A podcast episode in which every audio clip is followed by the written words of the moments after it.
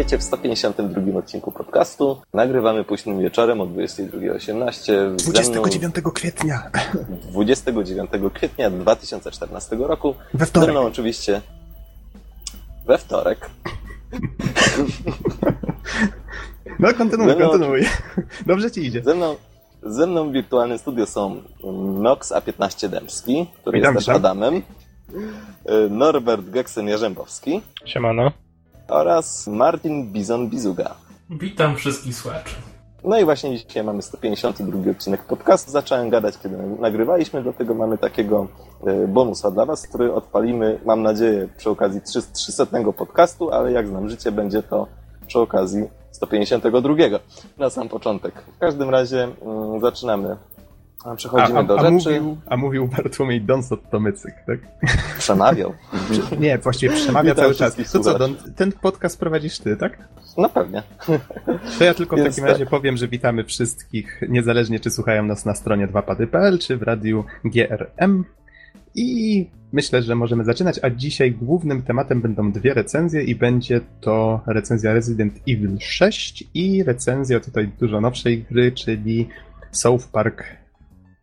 Jak brzmiał polski tytuł? The Stick of Truth. Kijek prawdy. Kijek Prawdy. O, właśnie, tutaj nie chciałem spalić. Ale I wiesz co, zaczniemy jak Su, zwykle od newsów. ci jeszcze, Aha. ci oczywiście jeszcze w słowo, dlatego że Proszę moim bardzo. zdaniem oczywiście głównym tematem tak stricto może nie jest, ale, ale ostatecznie odkopanie IT może być głównym tematem newsu. Znaleziono tego, tego nie kosmitę. należy... No tak. Prawdziwego. Znaleziono kosmitę. Znaleziono kosmitę wśród gier.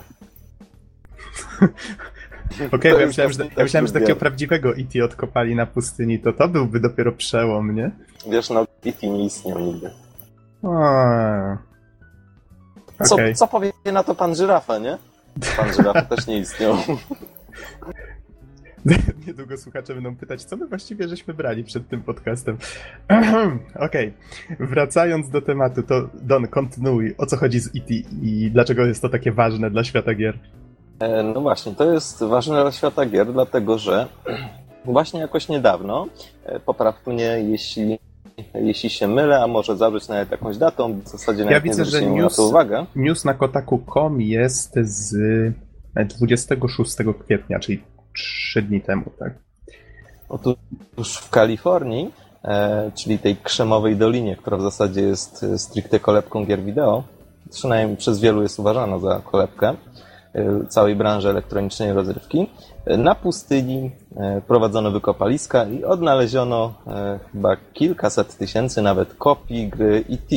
E, Wybacz, nie, nie jestem dobry z geografii, ale czy to nie jest Nowy Meksyk, te sprawy to jest to samo, czy nie? Bo Nie, nie, Nowy Meksyk to jest inny stan, ale możliwe, że, że po prostu się myliłem. Bo- Nie, w Nowym Meksyku, przepraszam. tak, w Nowym E, Meksyku. Cytuję mm, z cdaction.pl na pustyni niedaleko Alamogordo w Nowym Meksyku. Od, odkopano w Atari niesprzedane gry, egzemplarze gry E.T. Creep. E, A nie, Larry Creep to jest nazwisko jakieś tam. W każdym razie, e, co jest istotne, mm, te gry zostały po 30 latach odkopane e, i, po, i myślę, że stanowią niesamowitą gratkę dla kolekcjonerów. W końcu to jest no, gra, która 30 lat przeleżała w ziemi ale, ale myślę, że warto by zaznaczyć, dlaczego e, Atari zdecydowało się na takie pozbycie się kilkuset tysięcy swoich kadridżów. To jest bardzo ciekawe zagadnienie. Wiem, czy... Myślę, że warto wspomnieć, że e, wiele osób może kojarzyć tę historię już chociażby e, z show Angry Video Game Nerda. On czasem wspominał właśnie o, o, o tym, no, nawet recenzując, bo on recenzuje właśnie te stare gry, recenzując właśnie E.T. na Atari. I w sumie chyba nawet on się przyczynił Nie, nie, do... on, on nie recenzował Nie? tej gry. Y, Były recenzje na, na, na bazie filmów, y, recenzje gier na bazie filmów Spielberga i właśnie Mhm. pod koniec recenzji z pudełka wypadł E.T. Nerd tak strasznie się z przerażeniem spojrzał na tą grę i oczywiście z napisem końcowym odcinek się kończył e, To be continued in the Angry Video Game y, Angry Video Game Nerd The Movie. Więc w zasadzie dopiero w filmie został ten wątek poruszony, a film powstał całkiem niedawno, wydaje mi się. Mhm. jakoś parę miesięcy temu. No ale to może w takim razie przedstaw, przedstaw fakty historyczne, o co właściwie chodzi z tą grą i myślę, że przejdziemy później, dlaczego niektórzy uważają ją za najgorszą grę wszechświata, bo się w sumie spopularyzował taki, taki no, slogan, taki tytuł. Znaczy, sytuacja w ogóle zaczęła się jeszcze dużo wcześniej, nawet y, jakby samo wyprodukowanie tej gry, e, czyli E.T., było, było już ostatnim gwoździem do trumny, już gotowej. Ale w zasadzie cała sprawa zaczęła się e, przed 1983 rokiem, e, gdyż właśnie, właśnie w tym roku nastąpił taki wielki krach gier wideo. Dlaczego tak się stało? Otóż rok, dwa lata wcześniej Atari już było naprawdę potężną, prężną firmą, e, która była niesamowicie sławna, posiadała już własny odrzutowiec. W zasadzie była pierwszą e, kompanią e, produkującą gry, która ma własny odrzutowiec i go używa dla celów komunikacyjnych. I po prostu Atari wiodło się niemalże doskonale. Natomiast problem polegał na tym, że nie chcę tutaj skłamać, ale z tego co pamiętam, to jakby ry- rynek gier wchłaniał, wchłaniał rocznie około chyba 1,8 miliona kartridży. Czyli po prostu tyle był w stanie wchłonąć rynek. I ani kartridży więcej, po prostu było za mało graczy lub po prostu mieli za małe potrzeby, ale myślę, że to i tak jest całkiem sporo. E, Sama produkcja Atari e, przewyższyła tą liczbę, natomiast e, w porównaniu jeszcze po dodaniu e, działalności innych firm produkujących gry, e, ro- łącznie rocznie powstawało 2,6 miliona kartridży. I tak, powstawała cała masa nowych gier, których w zasadzie nie miał kto kupować. E, I efektem było też to, że, e, że starsze gry, na przykład dostępne na Commodore 64, czyli C64 znane, mm, zresztą e, wypro- C64 zostało wyprodukowane przez gościa Jacka Tramiela, który jest z polskiego pochodzenia, z Łodzi pochodzi. Nie wiem, O. czy wiesz. No proszę. Nox. E, I tak. Mm, Czyli te wszystkie gry nowe były produkowane, nie, nie miał kto ich kupić, bo po prostu podaż była wielka w porównaniu do popytu. Wszystkie tańsze gry, starsze, na C64 na przykład, były dostępne dosłownie za 1-2 dolary można było kupić całą masę gier, e, które były naprawdę świetnymi tytułami, bo C64 było naprawdę niemalże w rozkwicie. E, I składały się pierwsze firmy, te nowe, które produkowały gry, e, traciły, bo gracze wole, woleli po prostu korzystać ze starszych tytułów i powodowało to straty. E, Głównie dlatego też, że nowe gry tak naprawdę nie różniły się niczym więcej, jak tylko lepszą grafiką. E, Po drugie, nastąpił nagły spadek popularności salonów gier, czyli tych z automatami, które też były poważnym, poważnym źródłem dochodów na przykład dla Atari. I po prostu wiele z tych salonów z dnia na dzień dosłownie trzeba było zamknąć. Pojawiały się nawet, wiesz, reportaże, dokumenty o tym, że w zasadzie, że w zasadzie one muszą być zamykane. Część została na przykład przerobiona na kluby nocne. Prowizorycznie, żeby po prostu e, właściciele musieli się jakoś ratować. W każdym razie Atari zdecydowało, bo sytuacja była dosyć ciężka, Atari zdecydowało się na zrobienie tak kickera. E, I tym kickerem Na- miał, miało być właśnie kicker, po prostu killer application, application, po prostu gra, która miałaby zmienić sytuację. E, I właśnie tym gwoździem do trumny było E.T., gra bodajże zrobiona chyba w kilka tygodni przez jednego człowieka, e, który potem chwalił się, że, że w zasadzie pojedynkę zniszczył branżę gier. E, No i właśnie, zostało wyprodukowane cała masa kartridży z E.T. Atari spodziewało się, że odniesie to sukces. Niestety okazało się, że którzy kupili tą grę, a ich było chyba ponad milion, e, wkrótce pokupnie zażądali zwrotu pieniędzy za kupioną grę i po prostu ją odsyłali. E, Atari znalazło się w bardzo trudnej sytuacji, zarówno cała branża. E, Zresztą już wcześniej była grę? bardzo trudnej. Widziałem, widziałem. Tak, ale ja I- jestem i- prawie pewien, że ten, że nerd pokazywał ją w swoim show i Gdzieś mówił o niej. była po prostu, ale, ale On chyba o niej nawet jakoś opowiadał. Nie pamiętam. Chyba była. W każdym razie w każdym razie Atari nie miało co zrobić z tymi wszystkimi kartridżami. Szkoda było miejsca ma- w magazynach na to, no bo miejsce magazynowe też kosztuje. Postanowili więc po prostu pozbyć się tych gier, e, zakopi- zakopać je po prostu e, na pustyni w Nowym Meksyku, gdzie od 1983 roku przeleżały 30 lat i właśnie zostały znalezione. Mhm. No właśnie, i powiedz mi, to się przerodziło w taką, jak to się mówi, miejską legendę, prawda? Znaczy, Szczerze?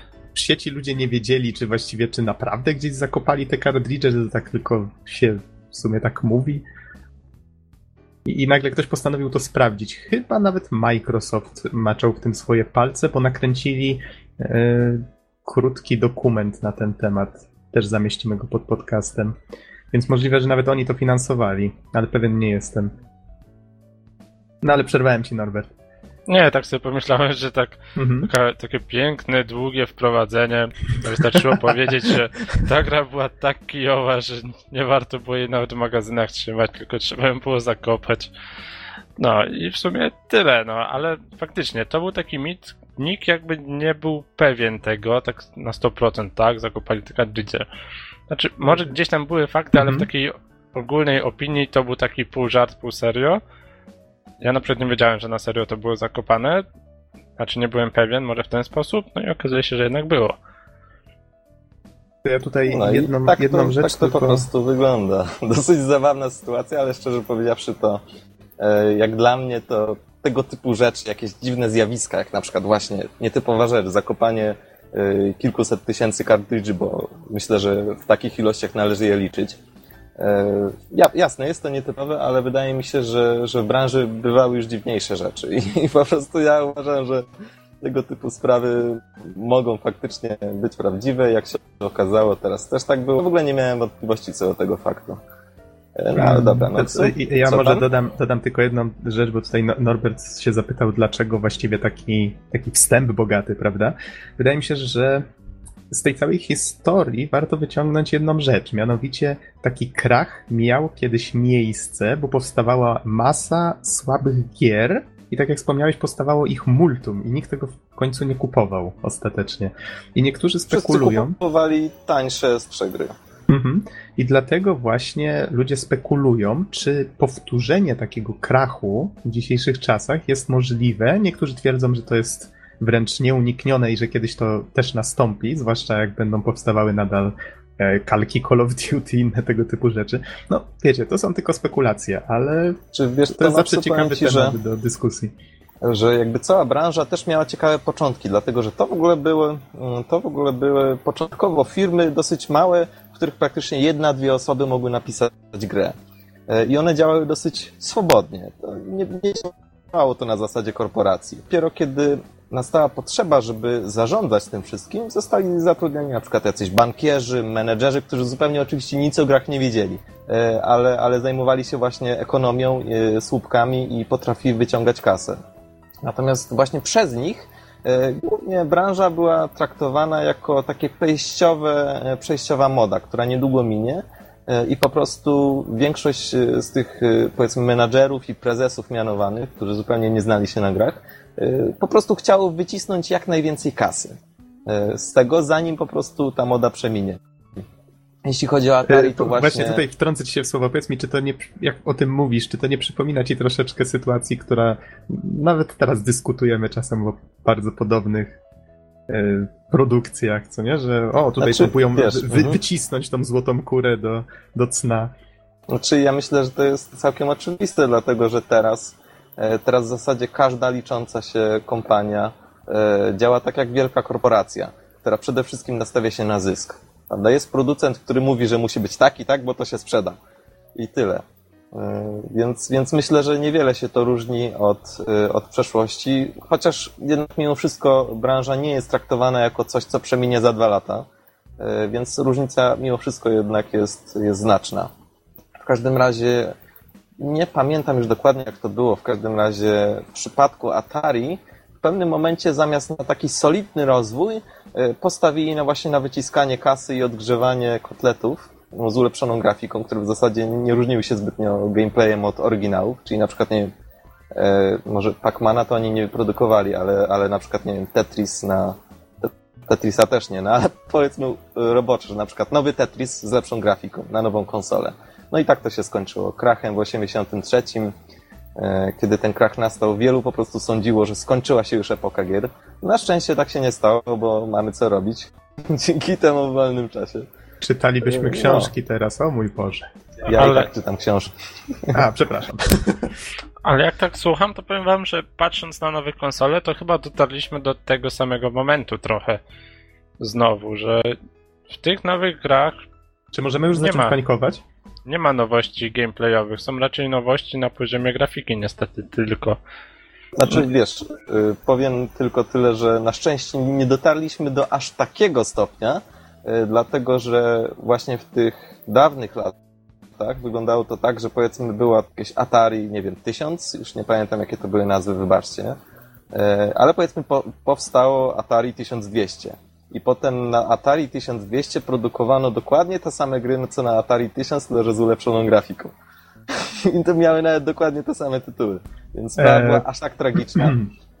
The Last of Us Natomiast- HD. No, no.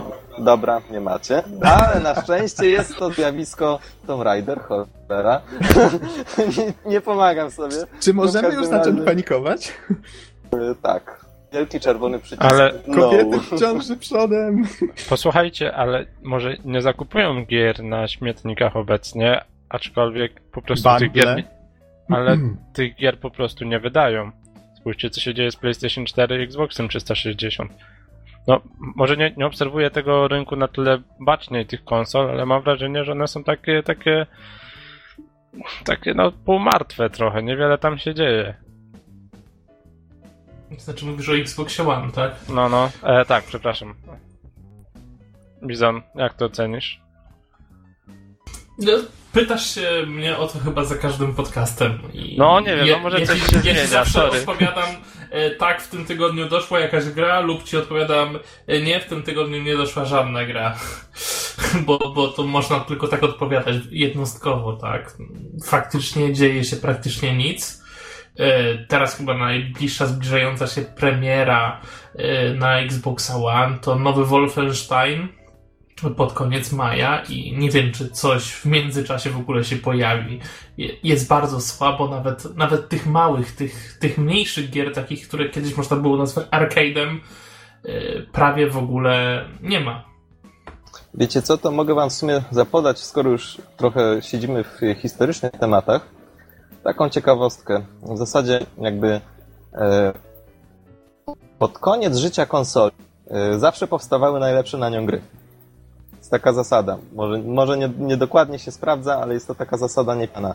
Znaczy w przypadku C64 to wyglądało tak, że, że już w momencie, kiedy zaczynała się, zaczynała po prostu być trochę przestarzała, e, powstawały na nią najlepsze gry, dlatego że jakby można powiedzieć generacja dojrzała. Natomiast e, C64 zaczęło przegrywać, e, kiedy gry tworzone na nową platformę były tak zaawansowane i tak piękne, że po prostu już nie ogarniała, dlatego że e, początkowo gry wypuszczano na przykład e, na nowszą konsolę, na przykład na Amigę i okrojoną wersję gry na C64. Dokładnie taką samą, tyle że dostosowaną do, do konsoli. E, No i myślę, że nie wiem, w przypadku tych, tej- nowej generacji może nie, nie za bardzo się znam na temacie, ale tak słucham i w sumie na, na ostatnim podcaście też trochę o tym dyskutowaliśmy, że, że po prostu ta nowa, nowa generacja nie może się przebić trochę, że, że jednak starsze, starsze konsole wydają się nadal trzymać mocno. I, I ciekaw jestem, ile to jeszcze potrwa. Mhm. No ale tutaj to można spekulować. Poczekajmy, aż się pojawi więcej gier na, na tą obecną generację. Myślę, że na targach E3 już w czerwcu, czyli właściwie za miesiąc i trochę, na pewno dowiemy się całkiem sporo. Będzie rewolucja. Ech, rewolucji bym się nie spodziewał, ale na pewno sporo tytułów będzie. O, a propos, Będzie rewolucja. Słuchajcie, czy widzieliście filmik y, z Nintendo ogłaszający właśnie to, że będą tak samo jak rok temu show robić w trakcie E3, tylko że nie na samym E3 będą prezentacje robić na scenie, tylko że będą filmiki publikować i już to zapowiadają. I we współpracy z Mega 64, co jest jakąś kurczę modą już od, od e, kilku lat. I Konami z nimi współpracuje, teraz Nintendo stworzyli we współpracy z nimi filmik, w którym e, znany wszystkim Reggie Fils e, Aim tutaj udaje Reginatora. Tutaj taki przydomek mu czasami fani dawali, a tutaj potraktowano to no, trochę bardziej dosłownie. Myślę, że warto sobie filmik obejrzeć, bo jest całkiem zabawny, taki trochę w nintendowskim duchu wręcz. Nie wiem, czy żeście go widzieli. jest tutaj mowa o tym, że będą, jeżeli dobrze zrozumiałem, jakieś turnieje Super Smash Brosa organizowane i właśnie mówiący o tym, że już w okolicach E3 będą pojawiały się te materiały o, o grach Nintendo. No i ciekaw jestem oczywiście, co tam Nintendo szykuje właśnie specjalnie na tę okazję. W każdym razie filmik zamieścimy na pewno pod podcastem. Co tu jeszcze ciekawego w newsach właściwie?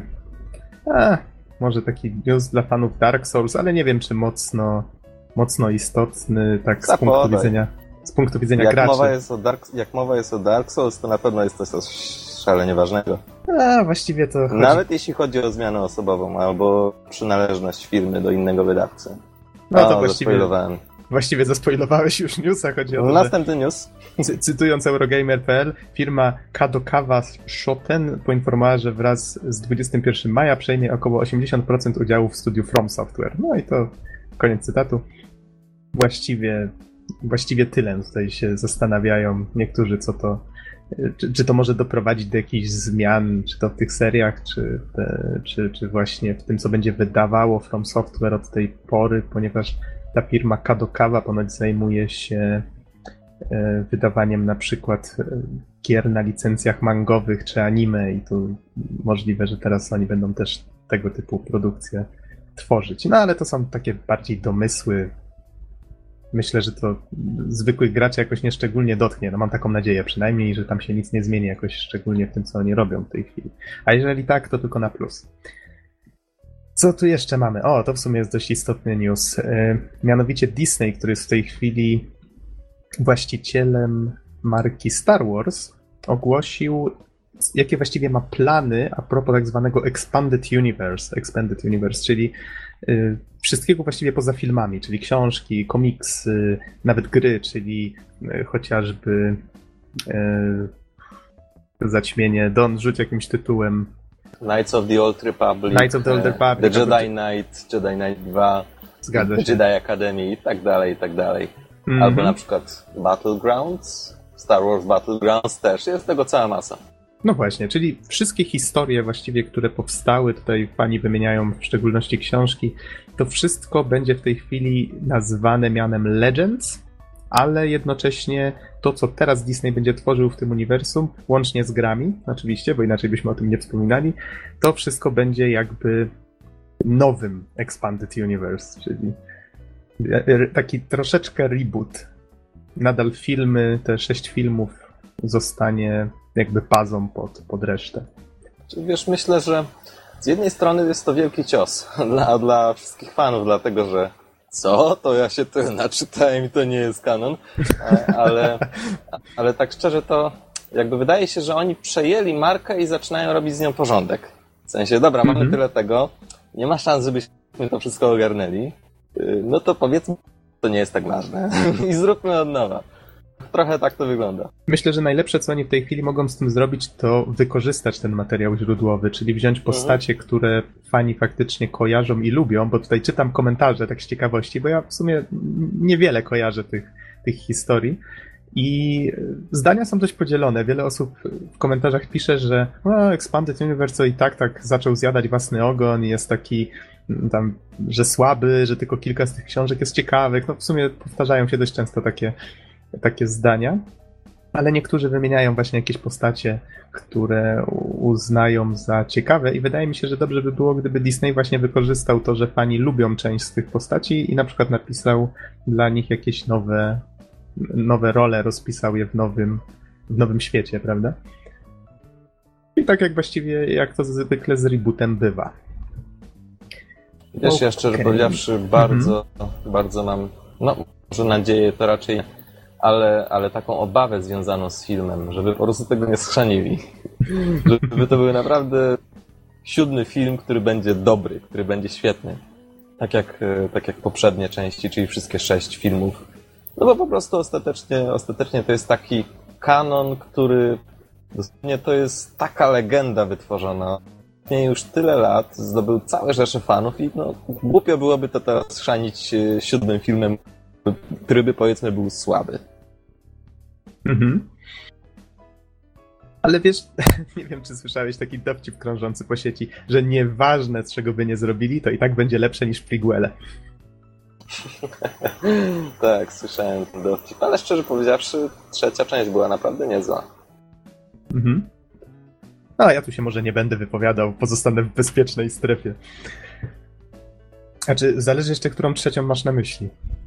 Bo to jest strasznie poknocone w tej chwili. Ale dobra, zostawmy może ten temat. E, co my tu mamy dalej? Właściwie już niedużo tego zostało.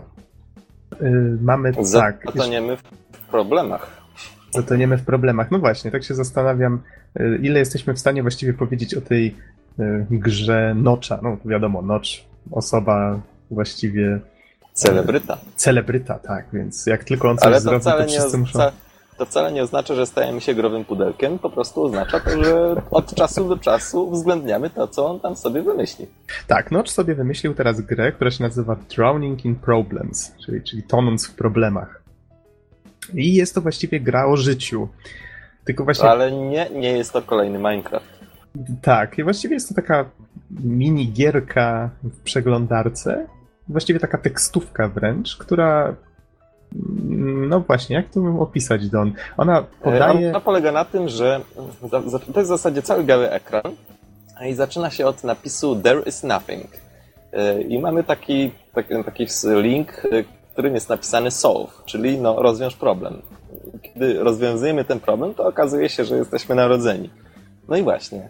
E, znaczy na, najpierw na jest przykład... tylko nadzieja, potem zyskujemy tak. ciało, a potem, y, potem tak, rodzimy się i, i mhm. potem problemów tylko i wyłącznie narasta, bo musimy no zdobywać no właśnie, wiedzę. Czyli na przykład y, właśnie musimy zdobywać wiedzę, pamięć, dalej i wraz z zdobywaniem tych wszystkich y, elementów, na przykład dorastamy. Ja teraz jestem na, na, na etapie You are a teenager, o Boże. I na przykład mam takie problemy, że, że, co mam? Mam nadzieję, ciało, życie, 15 mm, poziomów wiedzy, miłość, 61 poziomów pamięci i tak dalej, i tak dalej. 14 przyjaciół, o nie.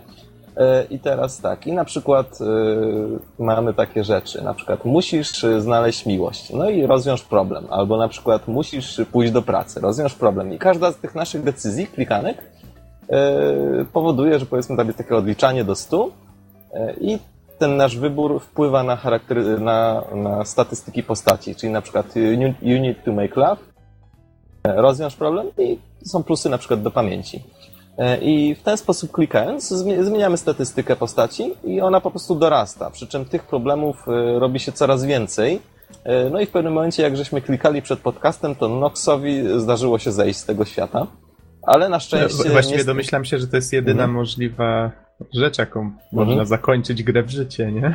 E, no i właśnie została mu tylko nadzieja po tej śmierci, dlatego że ona umiera ostatnia, jak wszyscy wiemy. There ona pewnie umiera. Ona umiera pewnie po, po zamknięciu okna przeglądarki. Co no, nie, nie do końca. Przykrym, to, to, co się, to, co się dzieje. Mhm. To, co się dzieje myślę, po śmierci, to, jest... to, może zostawię tutaj do, dla słuchaczy do sprawdzenia, ale ja już wiem, tutaj widzę co się dzieje. Zabiłeś się specjalnie. No w każdym razie, w każdym razie jest to taka klikanka eksperymentalna, która w zasadzie, no cóż, myślę, że można taka, próbować. Taka e, ciekawa i być metafora. może nawet, mhm, być może nawet ktoś wyciągnie z tego jakieś wnioski. Obawiam się trochę o siebie, że zacznę, zacznę to interpretować, e, ale, ale tak to wygląda. Pewnie linka wrzucimy pod pod. Myślę, że, że można sprawdzić. Mhm. A to skoro już jesteśmy przy takich eksperymentach, to tutaj na cdaction.pl z kolei pojawił się news linkujący do filmiku, który właściwie okazał się reklamą ostatecznie, ale to nie, nie, jest jakby ważne w tym, co teraz chcę powiedzieć. Ten filmik przedstawia taki dość nietypowy pomysł.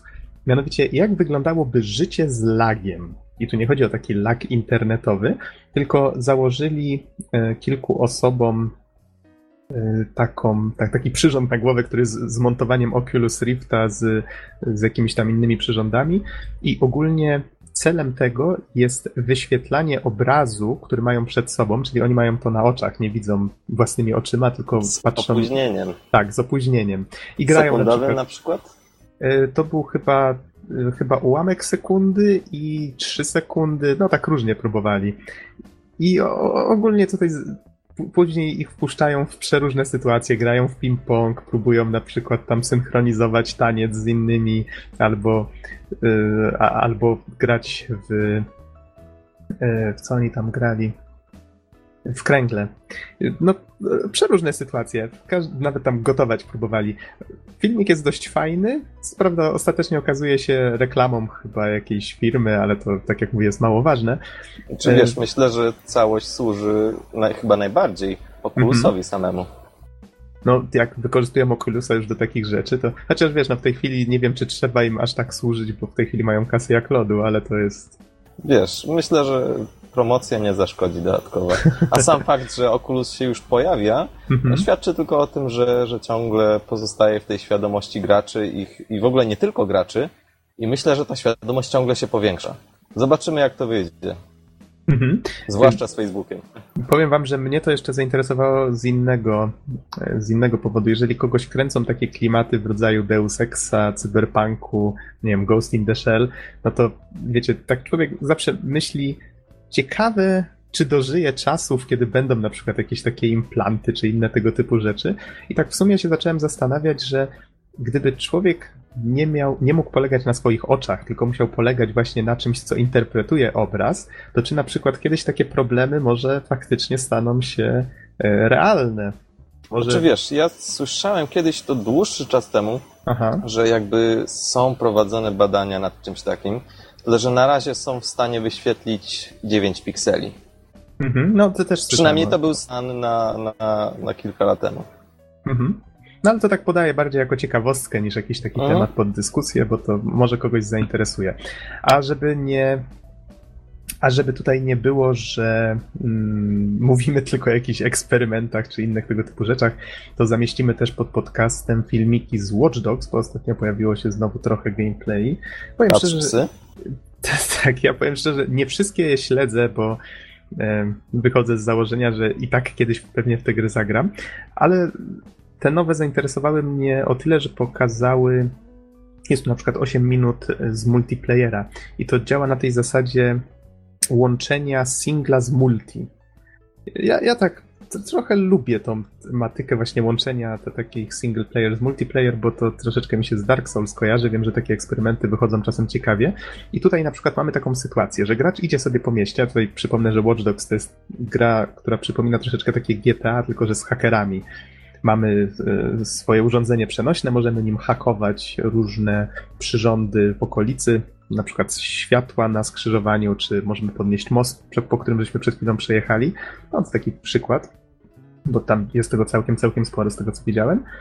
I tutaj na tym filmiku widać, że na przykład jeden z graczy pojawia się jako ktoś w rodzaju takiego mm, takiej drugoplanowej postaci, takiego hakera, który próbuje schakować drugiego gracza. Czyli jakby każdy z tych graczy widzi siebie jako głównego bohatera, ale tak y, na dobrą sprawę on jakby wchodzi do czyjejś gry, żeby y, skakować go i tam ukraść mu na przykład jakieś dane. Tam nie, nie znam szczegółów, ale mniej więcej tak to, tak to wygląda. No i jeden z graczy podjeżdża właśnie furgonetką y, z jedzeniem, tam gdzieś parkuje koło parku, drugi gracz w swojej grze singleplayerowej po prostu gdzieś tam idzie i nagle dostaje informację, że następuje hakowanie go. No i on wtedy tak się rozgląda, cholera, gdzieś tu jest drugi gracz i, i robi mnie w bambuko.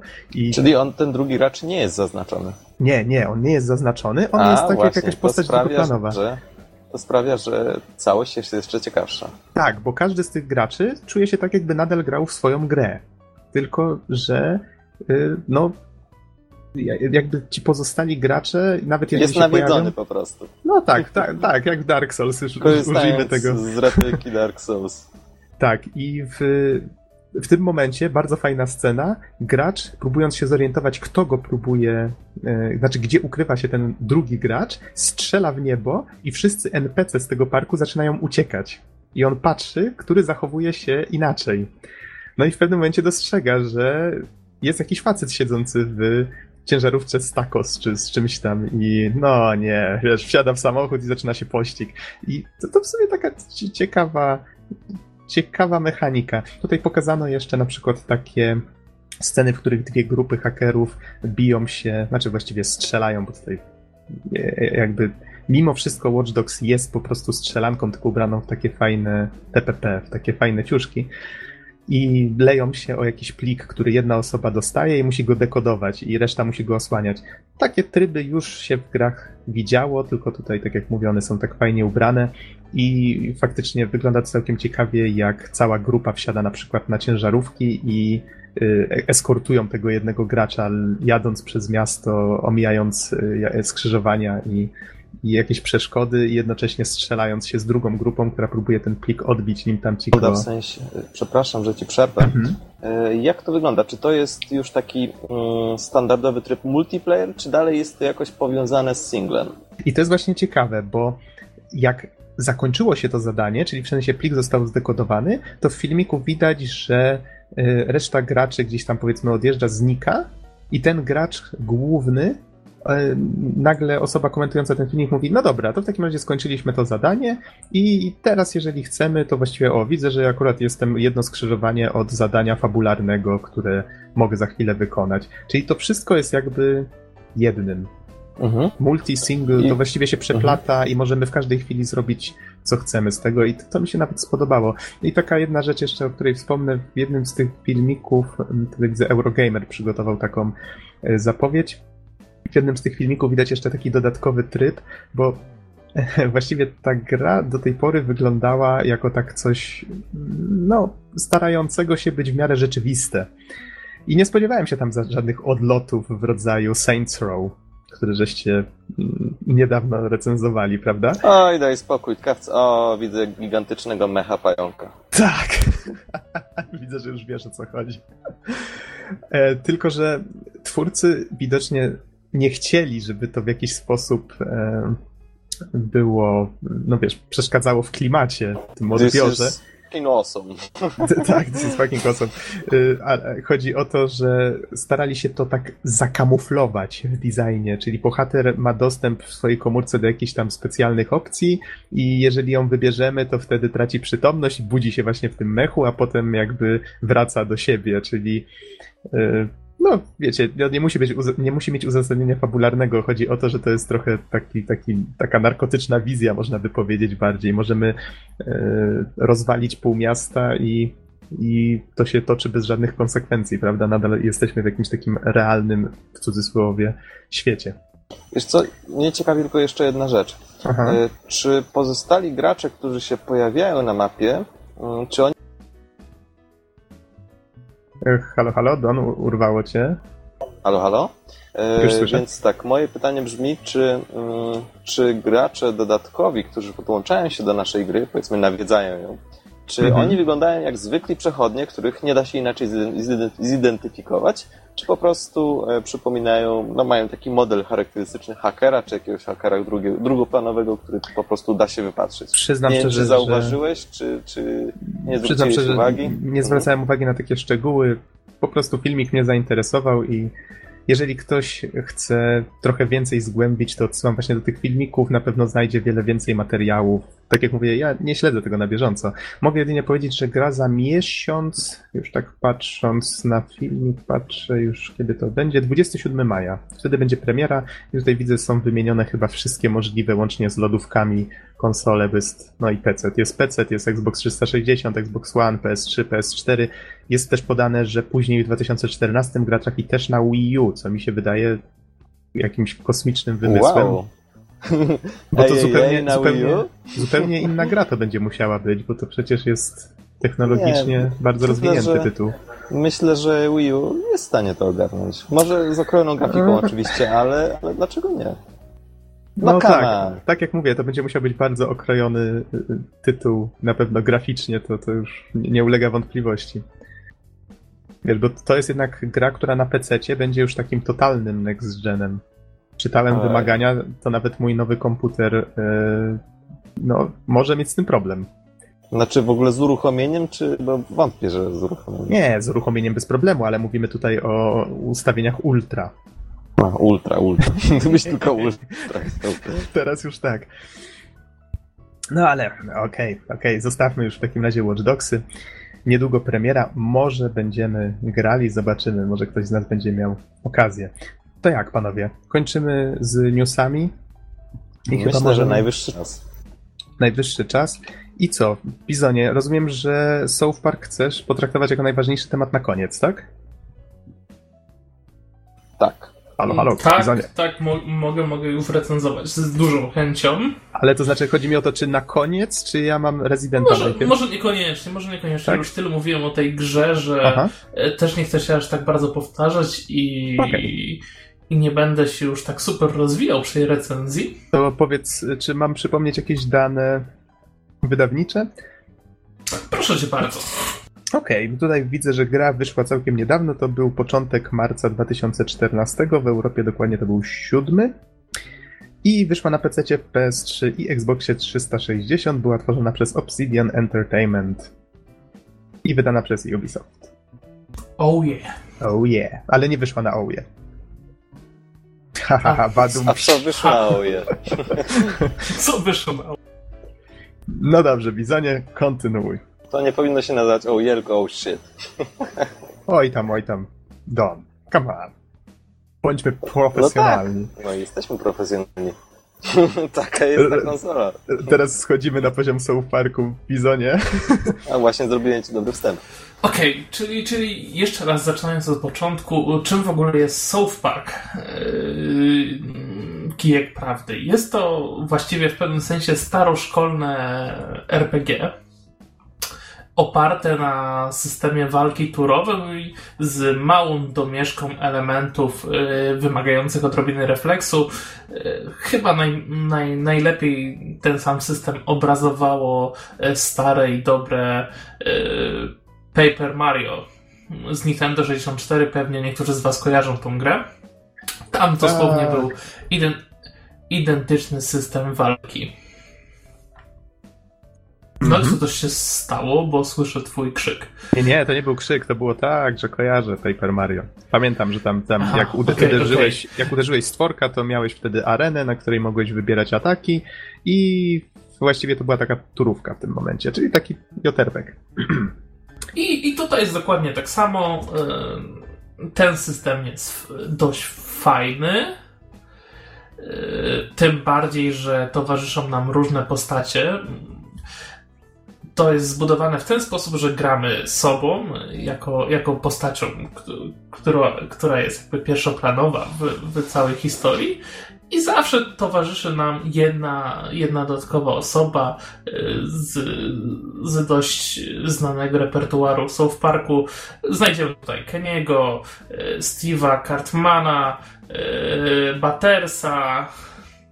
A więc, więc jest, jest kilka tych postaci, które znamy. Takie Tylko niestety właśnie tak jak mówię, y, tu jest pierwszy minus. Troszkę szkoda, że tylko mamy jednego towarzysza podczas tej walki. A Co towarzysza możemy wybierać, czy mamy jakby, czy gra nam go wybiera? E, To jest tak, e, jakby lista dostępnych towarzyszy jest zawsze uzasadniona fabularnie. Z czasem gry odblokowujemy coraz, coraz większą ilość, ilość postaci, z którymi możemy jakby kooperować, tak, e, podczas walki. A czy jeżeli wybieramy Keniego, to ginie w każdej misji? Yy, Kenny, Kenny ma, ma kilka takich ataków, które źle wykonane potrafią go zabić. Natomiast ma też pewien atut jako postać. To jest to, że on po dwóch turach sam zmartwychwstaje. Dobre, dobre. Co, co, co, co natomiast jest jednocześnie minusem, bo nie możemy go ożywić e, samemu, tak jak pozostałych postaci za pomocą takosów, które, które, które nas przywracają do, do życia. To tutaj na Keniego musimy czekać dwie kolejki, ale no, ale za to nie potrzebujemy tych przedmiotów. Chociaż nie powiem, żeby kiedyś mi tego przedmiotu zabrakło, nie? Ale okej. Yy, Nieistotne. Yy, Fajnie, że to są te znane postacie. Każda ma specyficzne swoje yy, ataki i, i czynności, bardzo charakterystyczne dla yy, konkretnej pos- postaci. I tutaj naprawdę bardzo duże plusy za, za dobranie tych, tych, tych ataków i umiejętności, bo one świetnie pasują do, do, do tych postaci. Tak na przykład Cartman ma oczywiście bardzo dużo ataków swoim ognistym tyłkiem. E, A, za, a za leczenie się, leczenie polega na jedzeniu, na przykład zawsze dostaje podwójne combo. Więc dużo, dużo takich śmiesznych smaczków, y, także w systemie walki. Y, system walki dzieli się na wykorzystanie przedmiotu. Mamy specjalne ataki zużywające punkty, które nazywają się nieszczęśnie w języku polskim pipa. Wait, what? Tak, punkty, punkty akcji nazywają się pipa. Czy to jest nie, pa, nie pamiętam, czegoś? nie pamiętam, jakie to jest rozwinięcie skrótu, ale, ale ogólnie jest ten. I nasza postać dodatkowo dysponuje magią pierdów, y, do której oczywiście jest potrzebna mana. Manę zdobywamy jedząc A nie różne? Ró- różne rzeczy, które są w stanie wywoływać gazy w jelitach. Aha, trafiłem. Trafiłeś, dokładnie. Wcale nie Eee, chciałem.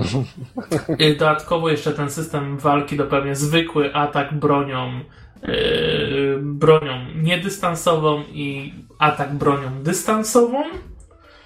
Oraz w trakcie gry odblokowujemy tak zwane przywołania, które pozwalają nam przywołać jednorazowo danego dnia yy, jakąś postać, która pomoże nam w walce. Yy, Wśród przywołań, przynajmniej które odkryłem, nie wiem, może, może są jakieś więcej, chociaż wątpię. Yy, To mamy Jezusa, który spada z niebios i zakłada czarne okulary i z karabinu maszynowego rozstrzeliwuje wszystkich przeciwników.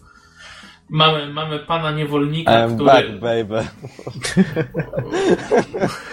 Wybaczcie, musiałem. Mamy, mamy pana niewolnika, który z przyjemnością, jak to mówi, yy, kogoś udupi. Możecie się domyślić, jak wygląda animacja udupiania yy, przeciwnika. Czy Jest, yy, polską wersję językową? Tak, tak, tak, są polskie napisy na wszystkich platformach. Okej.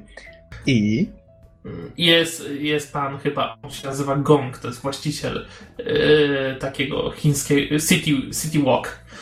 Yy, tym on, on też tam ma swój specjalny yy, atak, wpada w stroju samuraja, całkiem ciekawie. Oczywiście nie mogło zabraknąć jednego z ciekawszych bohaterów South Parku, czyli pana Kupy i jego ataku, który nazywa się Masa Kupy. To jest jeden Boże, z. Czy- O jakich niedorzecznościach ja jestem zmuszony opowiadać. No, no Wiesz, właśnie. wydaje mi się, że masz to niezłą frajdę.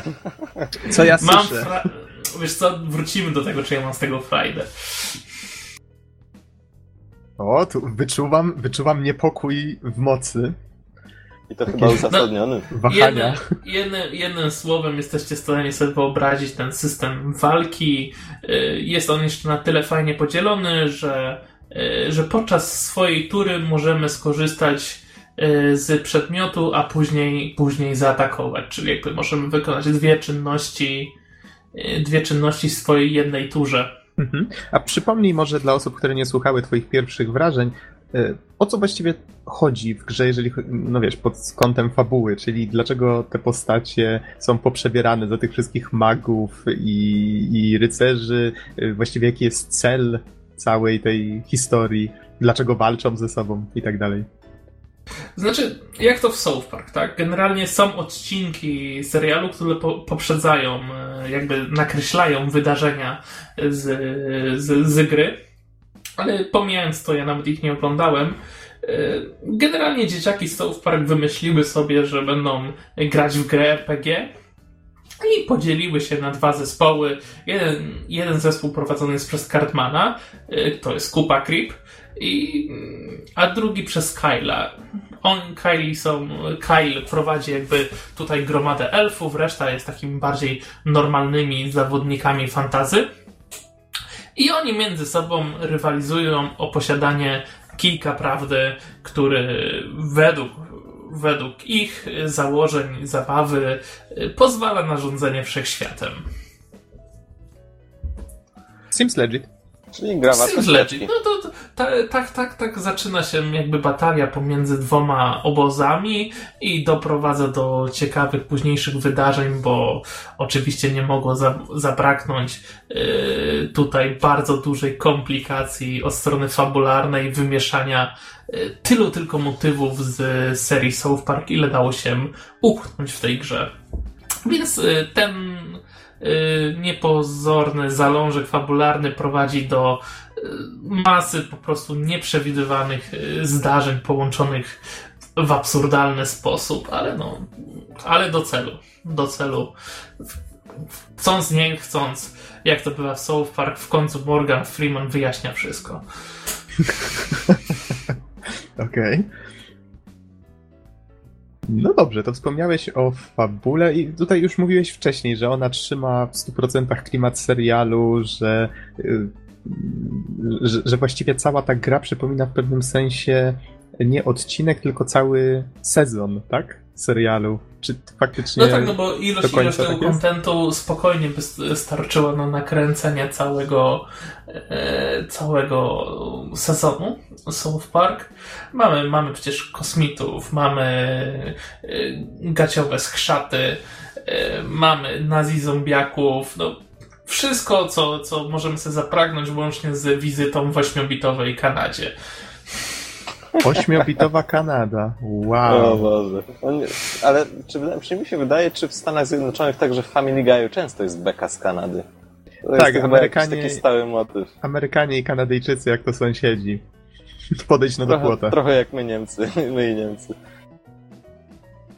No ale kontynuuj, Bizonie. No i, i tutaj to jest właśnie to jest sedno, tak? To jest już ten problem, o którym e, mówiłem wcześniej. South Park można lubić lub też nienawidzić. I tak samo jest tam ogromnie. E, bez znaczenia ma system walki, e, bo tak naprawdę te walki są dość, dość znaczy, jest ich sporo, ale dla samej gry są w pewnym sensie dość pomijalne. Zbyt, zbyt proste, żeby się nimi przejmować. Yy, tak naprawdę korzystamy z marginalnej ilości umiejętności.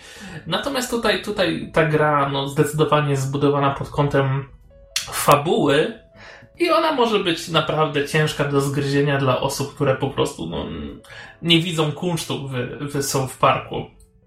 Ja mm, zaczynając przygodę, przygodę z South Park y, i w moich pierwszych wrażeniach wspominałem wam, że generalnie to wszystko mi się podoba. No, Nawet bardzo no chwaliłeś. I, no i tak, no bo z jednej strony faktycznie, faktycznie yy, spójność tej gry z serialem jest niesamowita. Z drugiej strony ilość tego wszystkiego naraz, yy, tych wszystkich wydarzeń, niezdrowych dla psychiki motywów, w pewnym momencie sprawiła, że nawet ja poczułem się taki zniesmaczony w pewnym sensie i zacząłem się zastanawiać, dlaczego ja kurwa w to gram. o co tak właściwie chodzi mi, dlaczego ja chcę trawić te, te, te, te, te treści, tak, które, które są mi serwowane, bo Boże, to tak naprawdę jest strasznie ogłupiające. Y, rozumiem, że zacząłeś sobie zadawać te pytania, mimo że jesteś fanem South Parku. Tak, no po prostu ilość pierdów, kup i innych, innych tego typu rzeczy i generalnie opieranie, kurde, fabuły na, na podstawie magii pierdów jest dość, dość trudne do zniesienia przez y, kilkanaście godzin. To jest, to jest, to jest w pewnym, w pewnym momencie po prostu ciężki temat, no bo ile tego można, tak? To, to w momencie, kiedy zdasz sobie sprawę, jak bardzo to jest głupie i jak bardzo wykorzystywane w kółko, możesz mieć tego powoli dość. Tak, spróbuję powiedzieć fabułę komuś. To jest ciężkie wyzwanie. No dobrze, Więc ja, ja po prostu pod koniec już może właśnie hmm, troszkę się znużyłem tym South Parkiem. Te, te, mhm. pierwsze godziny były po prostu fantastyczne. E, wsiąkałem świat, a później już trochę miałem dość. Tym bardziej, tak jak mówię, system walki niby jest przemyślany, ale tak naprawdę jest nudny. Jest po prostu zwyczajnie nudny, czyli, czyli, czyli gameplay de facto w grze składa się z nudnych walk plus nieustatnym zapieprzaniem w kółko po South Park. W tom i z powrotem. Gdyby nie przycisk, który pozwala nam chodzić trochę szybciej, to już w ogóle byśmy spędzili po prostu dziesiątki chyba godzin na chodzeniu w kółko. A powiedz Jest to Bizon, strasznie żmudne. Jak to wygląda e, z lokacjami? Czy świat jest w jakimś stopniu otwarty? Czy może są jakieś takie areny, które potem się odblokowują dalsze? To ja może... Po prostu nie jestem pewien, czy poruszyłeś ten temat we wcześniejszych w swoich wspominkach na temat właśnie South Parku, a myślę, że to jest dosyć ważna informacja. Ja właśnie chciałbym tutaj połączyć to z pytaniem jeszcze o, o to, o czym żeś wspominał w pierwszych wrażeniach, bo wspominałeś wtedy, że właściwie zamiast iść za główną osią fabuły, to ruszyłeś w miasteczko i zacząłeś zwiedzać te domy tak dopracowane z tymi wszystkimi detalami, że tam w szafie nawet u kogoś leżą jakieś przedmioty związane z serialem i tak dalej, i tak dalej. Y, czyli jednak to pierwsze super wrażenie coś szybko widzę minęło. Nie no, po kilkunastu znaczy tak, godzinach, bo, nie tak szybko. okay. Bo fajnie, fajnie się zwiedza faktycznie to miasteczko na początku, chłonie to, cieszy się tymi detalami, właśnie umiejscowionymi przedmiotami, motywami, nawiązaniami, ale później okazuje, że to ta cała plansza, to całe miasteczko, zresztą no, po prostu South Park nie jest dużym miasteczkiem, tak? No nie jest takie, takie rozległe, tak? Więc tak naprawdę szybko się okazuje, że latamy po tych samych lokacjach w tom i z powrotem, załatwiając różne rzeczy dla różnych osób. Co jakiś czas tylko e, dzięki dodatkowym zdolnościom jesteście w stanie wskoczyć w jakieś dodatkowe miejsce, e, czy też dostajemy klucz do jakiegoś miejsca, ale to są, to są małe rozwinięcia jakby tej głównej lokacji. Tak naprawdę do po prostu nie ma tego aż tak dużo, jakby można było się wydawać. A las otaczający cały South Park, no. Jest, jest zbudowany dokładnie z sześciu ekranów, które się po prostu powtarzają w kółko. I, I możemy sobie iść, iść, iść, iść w lewą stronę, na przykład 100 ekranów, a później wrócimy dwa w prawo i tak jesteśmy z powrotem w miasteczku. No ale come on, no masz 14 godzin pierd, na co narzekasz? po prostu troszkę się mimo wszystko wymęczyłem, tak, na, mhm. na, końcówce, bo byłem już po prostu znudzony, znudzony tym, bo grałem na, na średnim poziomie trudności. Co prawda gra nigdzie nie wyświetla ten, że, że są te poziomy trudności, no ale gdzieś tam w opcjach jest, jest, jest taki suwak. Szczerze mówiąc, nie wiem, czy, czy ma jakiekolwiek znaczenie, bo gra jest po prostu troszkę zbyt, zbyt prosta co, co psuje, tak? Co psuje, bo jednak RPG zazwyczaj kojarzą mi się z bardziej wymagającą walką, prawda? Na przykład takie Final Fantasy. A tutaj, tutaj jest taka prostota zarówno, zarówno systemu, jak i, jak i, jak i tych walk po prostu, tak? Po prostu trzeba trzymać się jednego sztywnego schematu i nic mhm. nam nie jest w stanie zagrozić. Wybacz Bizonie, że śmiechłem, ale wiesz, powiem tak, te nowsze finale, bo ze starszymi bywało różnie, tam też nie wiem, wszystkie grałem, ale trzynastka y, i 13.2, no co to już tak, tak jak opowiadałem w recenzji 13.2, że to przez większość gry właściwie można naciskać jeden przycisk, więc to też trochę się pozmieniało. Na gorsze. Nie grałem, co prawda, w to Still better than Stick of Truth. Okej. Okay. Jeszcze taka jedna myśl mi tutaj mnie naszła, ale ale gdzieś uleciała. A może zaraz sobie przypomnę. Bo wspominałeś, Bizonie, jeszcze poprzednio, że strasznie ci się podobała oprawa, bo wyglądała właściwie tak, jakby serial ktoś wziął i, i przemienił w grę, tak, taki interaktyw, interaktywny serial. No i tak, i to jest faktycznie atut, którego się nie da podważyć, choćbyś się starał. Ja, jak i nie wiem mhm. co, gra wygląda fenomenalnie wygląda całkowicie jak, e, jak serial, łącznie z wszystkimi teksturami, e, materiałami, z których są wykonane elementy, no po prostu cudo, do tego wchodzi naprawdę masa tych wszystkich e, przedmiotów, ubrań, z których można korzystać. Wszystko jest zanimowane w charakterystyczny sposób dla South Parku. Tutaj naprawdę szóstka z dużym plusem za, za oprawę wizualną. Dlaczego wcześniej tak nikt nie zrobił y, gry w parku, to aż, aż nie do wiary. Mhm. A, przypomniało mi się już, o co miałem zapytać. Czy w takim razie finał tej gry nie był nagradzający na tyle, żeby nawet ze względu na to, że tam wiesz, już miałeś dość trochę tych klimatów, żeby ci to wynagrodzić, że grałeś te kilkanaście godzin? No nie, no, gra niestety kończy się w w tak samo głupi sposób, jakim sama fabuła jest głupia. Aha, trochę, okay. trochę, trochę zbyt nagle mm, pozostaje duży, duży niedosyt y, na, na końcówce gry y, fabularny po prostu. I niestety mm -hmm. z tego co wiem, nie będzie żadnych dodatkowych DLC, jeżeli chodzi o fabułę. Pojawiło się tylko masa paczek dodatkowych ubrań dla postaci, no ale to to nie, nie to, czego bym oczekiwał. Okej, rozumiem. No dobrze, czy w takim razie jest jeszcze jakaś kwestia, o której nie opowiedziałeś? Może są jakieś pytania, panowie? W zasadzie to wszystko, wszystko czego chciałbym się dowiedzieć, już się dowiedziałem. Mhm. Czyli nie ma pytań. Wiesz, Widzę, wydaje mi się, chyba- że, że w zasadzie ktoś, kto chciałby Aha. zagrać w tę grę, powiedzmy, przyjmijmy roboczo, że mógłby znieść taki humor, a nie grał w ogóle w serial. Czy, czy uważasz, że to miało... Nie grał w serial. Boże. No tak, nie grał w serial. Ho, ho, ho. Nie grał w serial, a chciałby obejrzeć grę. no dobra, a tak poważnie, jeśli ktoś nie widział nigdy odcinka serialu, a chciałby powiedzmy zagrać, to mm, czy twoim zdaniem mm, byłby w stanie wyłapać wystarczająco dużo, żeby, e, żeby jakby no, nie minął go powiedzmy ten kunszt albo poetyka South Parku, czy po prostu jest zbyt dużo nawiązań, żeby, żeby ktoś całkowicie z zewnątrz mógł się do, dobrze bawić? Znaczy wiesz, to, to jest ta kwestia, że w tej grze nie znajdziemy elementów, które nie mają pokrycia w jakichś odcinkach. Mhm. To, to jest to, tak? Yy... Okej, czy- można czy nie gdybyś- znać dogłębnie South Parku, ale nie wiem, czy będzie się, czy taka osoba by się naprawdę odnalazła, nie, nie znając chociaż, nie oglądając chociaż kilku odcinków, tak? Które Mhm. e, by Czyli- mogły nakreślić jej ten świat. Czyli jakbyś, gdybyś w ogóle nie orientował się w serialu, wielu rzeczy mógłbyś po prostu nie zrozumieć.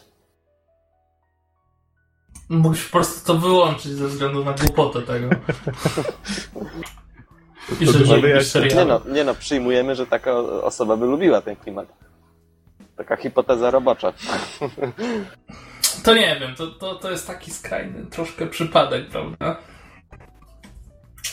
To ja już nie mam więcej pytań. Nie wiem, nie jestem w stanie odpowiedzieć na to pytanie, Czyli, przepraszam. piza- czyli pisanie wprost, komu polecasz? Chyba tylko fanom serialu. Z tego tak to wygląda. Tylko fanom serialu.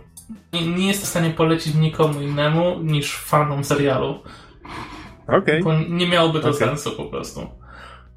Czy w takim bądź razie tym akcentem chcesz zakończyć recenzję? Zgadza Tak. się. To wszystko, co mam do powiedzenia na temat tej gównianej gry. jest, jest, jest, jest naprawdę fajnie wykonane, jeżeli chodzi o ilość nawiązań, tak? Yy, I, Dlatego warto rozróżnić i pierwsze grafikę, wrażenia. tak? Ale Ja- to, to, no to, to jest taka pozycja, którą mi się przychodzi raz, ja już swoją sprzedałem, nie ukrywając. To, Mhm. to tyle w tym temacie. Dlatego warto rozróżnić pierwsze wrażenia i recenzje, bo dwie skrajne opinie, gdybyś usłyszał się tydzień temu. No, to nie był tydzień temu, ale okej. No, no w każdym razie, szczerze myślałem, że gra będzie lepsza, ale z tego co mówisz, to jakby nadmiar tego trochę przytłacza. Zastanawiam się, gdyby, jakby to wyglądało, gdyby tą grę trochę dawkować inaczej. Bo często przedawkowanie długich gier, RPGów, strategii i tak dalej Tak, to, potrafi... to jest ten ból, że ja gra, jak już siadałem do tej gry, to grałem 6-7 godzin, nie? Od razu. No to takie solidne sesje. No ciekawe, ciekawe. Ja miałem ale- już y, y, trzy sesje właściwie i przeszedłem tą grę, tak? No, Takie bo wiesz, solidne. w zasadzie teraz, teraz widzę, dlaczego jest taka twoja opinia. Po prostu po, po sześciu godzinach fekalnego humoru po prostu nawet najtwardsi fani chyba mogą wymięknąć. To, No to, to, to może być to, to może być to. to się nazywa granie na Noxa. Wait, what? Oj, Tak, come nie. on. Ja nie gram aż tak dużo. Gra na jedno posiedzenie, to znaczy, no tak 10-12 godzin. Okej, zdarzało się. Ale to znaczy, że gra była dobra. Hej. Czyli co? South Park, The Stick of, the stick of Truth? Shit, y, shit happens. Shit happens. No dobrze, panowie, w takim razie nie ma co przedłużać. Przejdźmy w takim razie do Resident Evil 6. I myślę, że na wstępie ja tu powiem, że ja nie jestem jakimś super fanem Residentów. To znaczy na tej zasadzie, że nie grałem we wszystkie i, nie jestem jakoś super zorientowany w postaciach, w filmach i innych tego typu rzeczach. Właściwie moja przygoda z Residentem zaczęła się od piątki, która ma super koop. I ja z siostrą cioteczną zacząłem przechodzić tę grę. E, Znaczy, właściwie grałem w nią już w koopie, tam na jakiejś imprezie, na jakimś konwencie. Potem siostrą cioteczną właśnie w domu zaczęliśmy ją przechodzić, jak już nabyłem Gold Edition, która miała wszystkie DLC i inne tego typu rzeczy. I strasznie nam się ta gra spodobała właśnie ze względu na, na tą kooperację. Przeszliśmy ją chyba łącznie ze trzy albo cztery razy na coraz wyższym poziomie trudności, więc ogólnie rzecz biorąc, no, siostra uważa się za osobę, która nie gra w gry, a ukończyła Resident Evil 5 razem ze mną na najwyższym poziomie trudności. To chyba znaczy, że faktycznie grało jej się całkiem fajnie. Albo, że gra jest bardzo prosta. E, powiem ci, że ostatni poziom trudności faktycznie pod koniec dał nam ostro w kość. Jak żeśmy pokonali przedostatniego bossa, to skakaliśmy po prostu ze szczęścia. To takie rzeczy albo, się rzadko zdarzają. Albo, uwaga, albo, że gra jest bardzo prosta. E, w każdym razie, o co w Residentach chodzi, to prawdopodobnie Czyli, czyli większość... jest prosta. Hmm? Jest hmm. No wiesz, tam różnie, różnie bywa. W każdym razie. No co... dobra, do rzeczy. Do rzeczy. O co w rezydentach chodzi, to prawdopodobnie większość osób wie. Mamy organizację, która się nazywa Umbrella. Ona bez przerwy z uporem maniaka tworzy różne nowe mutanty, czy wirusy właściwie, które zamieniają ludzi w mutanty. Właściwie zaczęło się to od zombiaków, czyli po prostu żywe trupy się zaczęły gdzieś pojawiać, wysyłają jak zwykle jakąś ekipę, która y, ma się zająć tą sprawą, nagle znajdują jakieś tajne laboratoria, gdzie są jeszcze jakieś cudowniejsze rzeczy poukrywane, w sensie jakieś olbrzymie monstra i tak dalej. I to jest właściwie Resident Evil. Piątka Tutaj myślę, że te najbardziej znane ser y, części serii to są właśnie te pierwsze, z którymi ja miałem bardzo krótki właściwie związek i hmm, właściwie żadnej nie przeszedłem w całości. Z kolei piątka to była uważana za takie odejście trochę od korzeni, bo to już nie była taka. To nie był już taki survival horror, w sensie on nie starał się nawet zbytnio straszyć.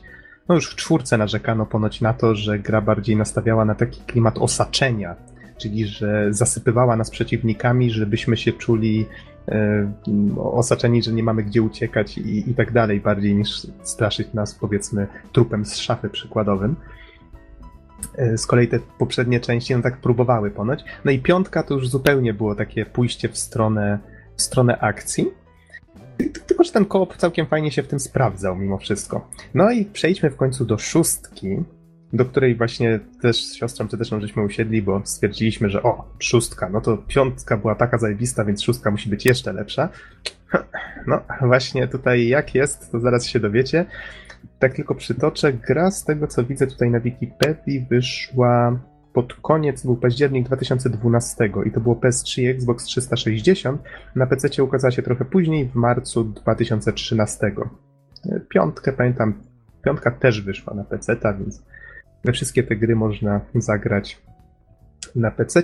My żeśmy grali właśnie w wersję PC-tową szóstki i w wersję y, w piątkę żeśmy grali, pamiętam, na PS3. Ale to nie ma większego znaczenia, bo i tak podłączyłem sobie pady od PS3, więc to grało się tak samo praktycznie.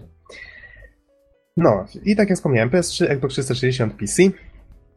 I Resident Evil 6, pamiętam jak dzisiaj Capcom chwalił się, że to jest największy projekt, jaki oni do tej pory tworzyli, bo to kilka różnych teamów tworzyło na całej na całym świecie, właściwie jak jedni szli spać, to drudzy zaczynali pracę.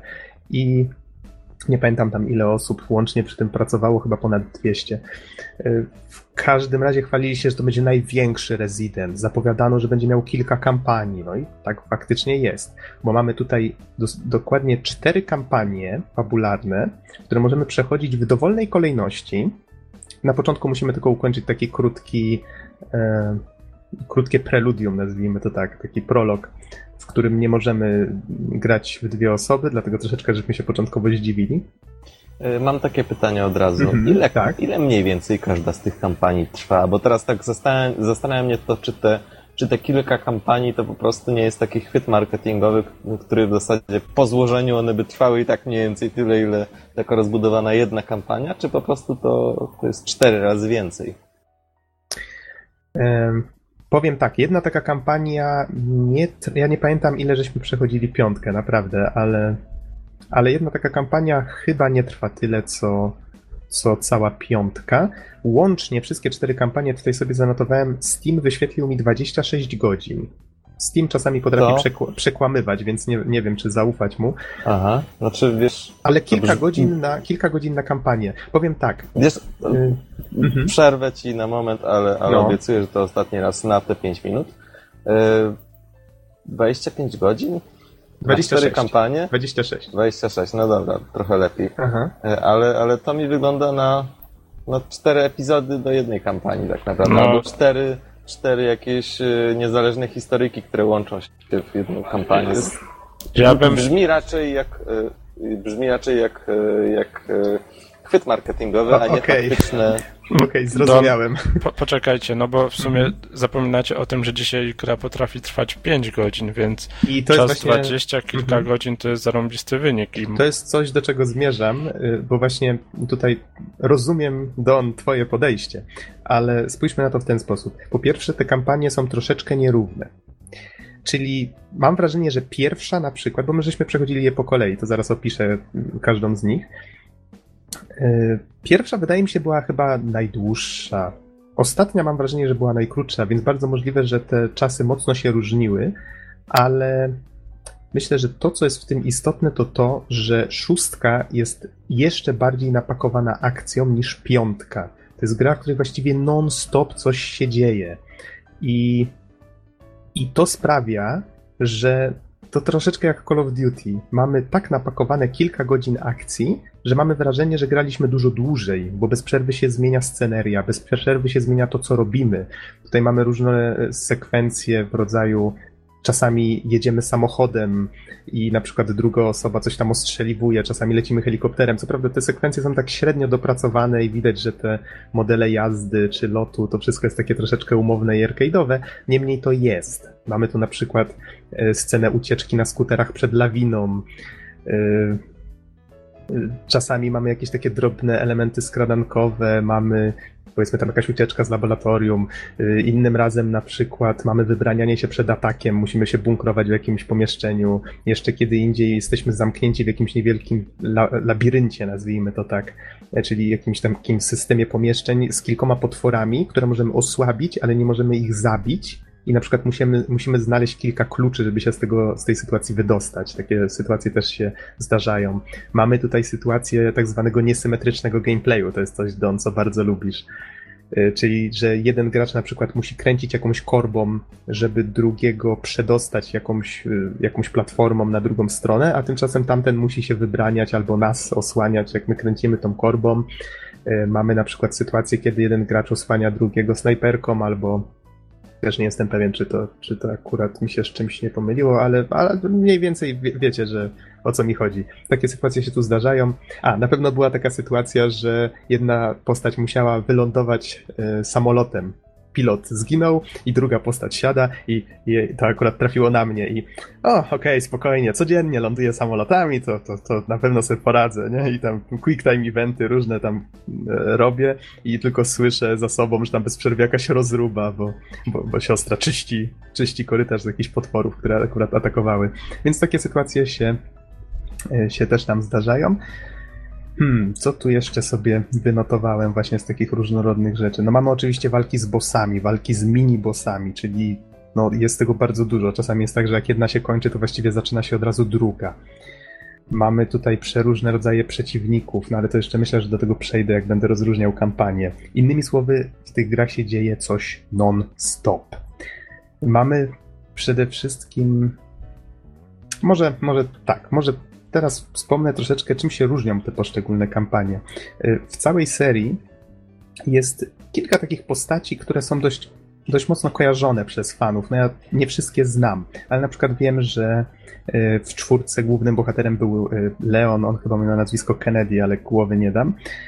On się tutaj pojawia, właśnie jedna kampania jest jemu poświęcona, jest Chris Redfield, który już od pierwszej części się pojawia, on był w piątce też jednym z głównych bohaterów i on też ma tutaj swoją kampanię. E, Jedną kampanię, tutaj może spojrzę na spis postaci, żeby mm, nie pomylić. Sherry Birkin i, i Jake Miller. Jake Miller jest z kolei nową postacią. Tutaj w każdym razie w, w tych trzech kampaniach e, postacie występują dwójkami, tak żeby gracze mogli grać e, razem. Chris na przykład jest z z, jak się ta postać nazywa, z Pearsem. Pierce jest chyba nowa jakaś postać serii, też głowy nie dam. Leon z kolei gra z Heleną Harper. Czyli w każdym razie zawsze jest tak, że jest tutaj jakaś para, która ym, wspólnie rozwiązuje problemy. I czwarty, czwarta kampania skupia się na postaci Ady Wong, która się pojawiła bodajże w czwórce, z tego co mi wiadomo. I te, ta czwarta kampania jako jedyna, widać w niej, że ta druga postać, ona została dorzucona tak trochę na siłę. Do tego stopnia, że żeśmy się śmiali po prostu non-stop, bo ta postać agenta, jak go tutaj nazwano, który właściwie jest cały czas zamaskowany, nie wiadomo kto to do końca jest, on, on znika na wszystkich cutscenkach i innych tego, w innych tego typu sytuacjach, więc właściwie wygląda to trochę tak, jakby był takim wymyślonym przyjacielem Ady. Mieliśmy z tego trochę ubawu, ale no, trochę to się kłóci jakby z całą ideą. Czy wiesz, mi się teraz to przypomniało, jak, jak ten problem został rozwiązany w przypadku Dead Space'a 3 i Aha. to wrażenie, jakby, jakby, ten, ten, jakby ten drugi ciągle umierał co chwilę i dochodził nowy jego klon. No, w każdym razie powiem tak, może jeszcze opiszę troszeczkę każdą z tych kampanii. Kampania Leona, bo każda z tych postaci jakby bierze udział w tych samych wydarzeniach na skalę globalną. Czyli mamy tak, y, w Stanach Zjednoczonych jest tutaj takie, właściwie wszystkie te miejsca są mniej lub bardziej fikcyjne, tylko wzorowane na jakichś prawdziwych. Mamy tutaj miasteczko Tall Oaks, które w tym przypadku y, naśladuje troszeczkę Raccoon City, znane z tych pierwszych części, czyli wybucha w takim miasteczku właśnie epidemia zombie. Leon właśnie bierze w, w tych wydarzeniach udział. On jest y, on jest bodyguardem, w sensie, no, przypomnijcie mi polski odpowiednik, ochroniarzem prezydenta. I prezydent niestety ginie Stanów Zjednoczonych, czyli mamy tutaj taką bombę na, na sam początek. I naszym zadaniem jest właśnie razem z Heleną tutaj odkryć, co się właściwie dzieje, dlaczego prezydent zginął, dlaczego w tym momencie wybucha właśnie ta, ta epidemia zombie. Te wydarzenia potem, y, potem prowadzą do bohaterów do Chin, niektóre kampanie jeszcze mają na przykład miejsce w, w, takim fikcyjnym miasteczku we wschodniej Europie, czyli ogólnie rzecz biorąc mamy tutaj takie, takie wydarzenia, które razem łączą się w coś w rodzaju takiej, nazwijmy to, kolejnej wojny światowej, tylko że z bronią biologiczną w tle. Tutaj przez broń biologiczną rozumiemy oczywiście mutanty, zombie i, i inne tego rzeczy stworzone przez Umbrellę, czy przez Neo Umbrellę, jak tutaj ją nazwano. No dobrze, i czyli tak. Leon swoje, tutaj podałem już, co nim kieruje. On tutaj próbuje wyjaśnić właśnie i, i, pomścić właściwie śmierć prezydenta. Chris z kolei, czyli bohater piątki, to jest taki bardziej paker wojskowy. On tutaj zostaje znaleziony przez swój oddział, e, zapijaczony w barze i starają się go postawić na nogi. Tutaj dowiadujemy się w jego kampanii między innymi, co go doprowadziło do takiego stanu i staramy się jakby rozwiązać kolejny konflikt, no bo jak wiadomo, Chris tutaj musi wtargnąć all guns blazing i, i wiecie, siłowo rozwiązać wszystkie problemy razem z Pearsem w tym przypadku. Z kolei trzecia kampania, czyli i oni tutaj też oczywiście, oni będą właśnie mm, brali udział w tych wydarzeniach we wschodniej Europie, oni też trafią do Chin, tutaj jakby wszystkie te postacie trafiają w końcu do tej olbrzymiej metropolii w Chinach, tam wydarzenia niekoniecznie się kończą, ale, ale tam się dzieją dość ważne rzeczy w pewnym momencie. I trzecia kampania, czyli właśnie Sherry i Jake. Tutaj chodzi o to, że Jake jest. E, tutaj może nie powiem nie powiem, kim jest dokładnie, bo to jest dość ciekawa kwestia dla fanów. W każdym razie jest odporny na wirusa i Sherry jest, agent, e, Sherry jest agentką, która zostaje przez Stany Zjednoczone wysłana po to, żeby e, zabezpieczyć właśnie ten, ten okaz, który jest odporny na, na wirusa i, i przedostać go w bezpieczne miejsce. No i właśnie mamy tutaj takie trzy, trzy historie, które e, no, tak jak wspomniałem, te, te, te cztery, bo tutaj Ada to ta czwarta kampania, mnie się wydawało, że ona będzie taką najciekawszą, bo, bo postać Ady pojawia się we wszystkich tych trzech historiach w tle. I ona zawsze bierze udział w takich dziwnych wydarzeniach, że wydaje się jakby być zawsze o krok przed nami. I wydawało mi się, że ze względu na to ta czwarta kampania będzie najciekawsza. Czyli, że o, w końcu się dowiemy, co się działo. No i faktycznie, tylko że, no cóż, trochę się rozczarowałem, bo przyznam szczerze, ta kampania okazała się takim, taką zapchaj dziurą. Czyli te trzy kampanie, one faktycznie były różnorodne, bogate, całkiem fajne. Ta czwarta z kolei miała dość niewiele już nowego do, do powiedzenia. Raczej wszystkiego można się było domyślić wcześniej. No i to właściwie wyglądało tak jak takie trochę zapchanie kilku dziur w, w pozostałych historiach. Myślę, że dużo lepsze wrażenie na nas by to zrobiło, gdybyśmy y, musieli odblokować tą czwartą kampanię jako jakiś bonus. Czyli gdyby te trzy kampanie były konieczne do przejścia, powiedzmy, w dowolnej kolejności, i gdyby ta czwarta tak bez zapowiedzi się nagle pojawiła, to by było całkiem, całkiem fajnie. A tak my żeśmy się mm, tak zastanawiali, co właściwie w tej czwartej będzie, tak oczekiwaliśmy jej i niestety trochę żeśmy się rozczarowali. I jeszcze taka jedna fajna, dość istotna rzecz na temat tych kampanii. Każda z nich ma troszeczkę inny klimat. Bo tutaj Leon w czwórce, na przykład, tak jak mówiłem, klimat osaczenia. Tutaj twórcy starali się y, pójść troszeczkę w stronę tych, tych pierwszych rezydentów, czyli że y, mamy taki troszeczkę klimat grozy, a przynajmniej próbowali go uzyskać, bo tak naprawdę gra nie jest ani trochę straszna. Powiedziałbym już, że pod tym względem może nawet ten Dead Space 3 czasami próbował nawet lepiej być straszny od tego. To, to już jest bardzo zły sygnał, mogę To powiedzieć. już jest bardzo zły sygnał, prawda? E, Bo w sumie tym- Dead Space 3 stawiał bardziej na akcję niż, niż w zasadzie na straszenie. Tam były bodajże Mhm. ze dwa momenty, które, które mogły jakoś przyspieszyć akcję serca, chociaż nie, nie zrobiły tego, przynajmniej w moim przypadku. Yy, No i kilka momentów, dajmy na to takich mrocznych, które, te, które po, podejmowały taki wątek, na przykład jedna postać widzi coś dziwnego, a druga nie. I, I to w zasadzie tyle. Więc jeśli jest gorzej niż w Dead Space 3, to wiedz, że coś się dzieje. No ja, ja właśnie, my zaczynaliśmy grać w Residenta 6 akurat tak mniej więcej w okresie, kiedy ja z tobą przechodziłem e, Dead Space'a. Dopiero niedawno tylko żeśmy skończyli ten czwarty scenariusz, więc to miałem takie troszeczkę porównanie. A zaraz możemy o tym podyskutować. W każdym razie, pierwsza miała z założenia być straszniejsza. Druga, czyli z Chrisem, ona miała postawić na taką rozróbę w stylu piątki, czyli że jest dużo przeciwników, jest dużo strzelania, dużo akcji. No to faktycznie się udało, są więksi bossowie i tak dalej. Yy, Trzecia z kolei jest taka, nie wiem za bardzo jak ją sprecyzować. Jake na przykład jest postacią, która całkiem nieźle walczy wręcz. Więc to wszystko troszeczkę wpływa na sposób, w jaki się, w jaki się gra. Ale to jest taka, taka, taki scenariusz, który w sumie żeśmy e, zgodnie z siostrą stwierdzili, że, że wydał nam się chyba najciekawszy fabularnie. Ale to może takie wiecie, to zależy od, od gustu. No, ogólnie rzecz biorąc, każda z tych kampanii jest inna. Czwarta wydała nam się, wspólnie żeśmy doszli do takiego wniosku, wydała nam się najsłabsza. Więc to, to myślę, że to tyle a propos tego. Tak sobie tutaj wynotowałem jeszcze na przykład, że ten koop można grać lokalnie, ale można też grać na zasadzie takiej jak w piątce chyba też to tak działało. Można włączyć y, tryb single player, włączyć y, tryb online i wtedy w pewnym momencie, jeżeli znajdzie się chętny, może dołączyć do naszej gry, czyli ten koop może być też przez internet, z losowymi ludźmi dokładnie. A czy można się dogadać na przykład ze znajomymi podłączyć do gry? Znaczy, podejrzewam, tak, że tak, tak. oczywiście. ale- Mhm, zgadza się. Czyli okej. właściwie te, te opcje koopu są bardzo fajnie zrobione. Mamy przyjemniejszą kontrolę. Y, W końcu możemy się poruszać i strzelać jednocześnie. Wiem, że brzmi to strasznie.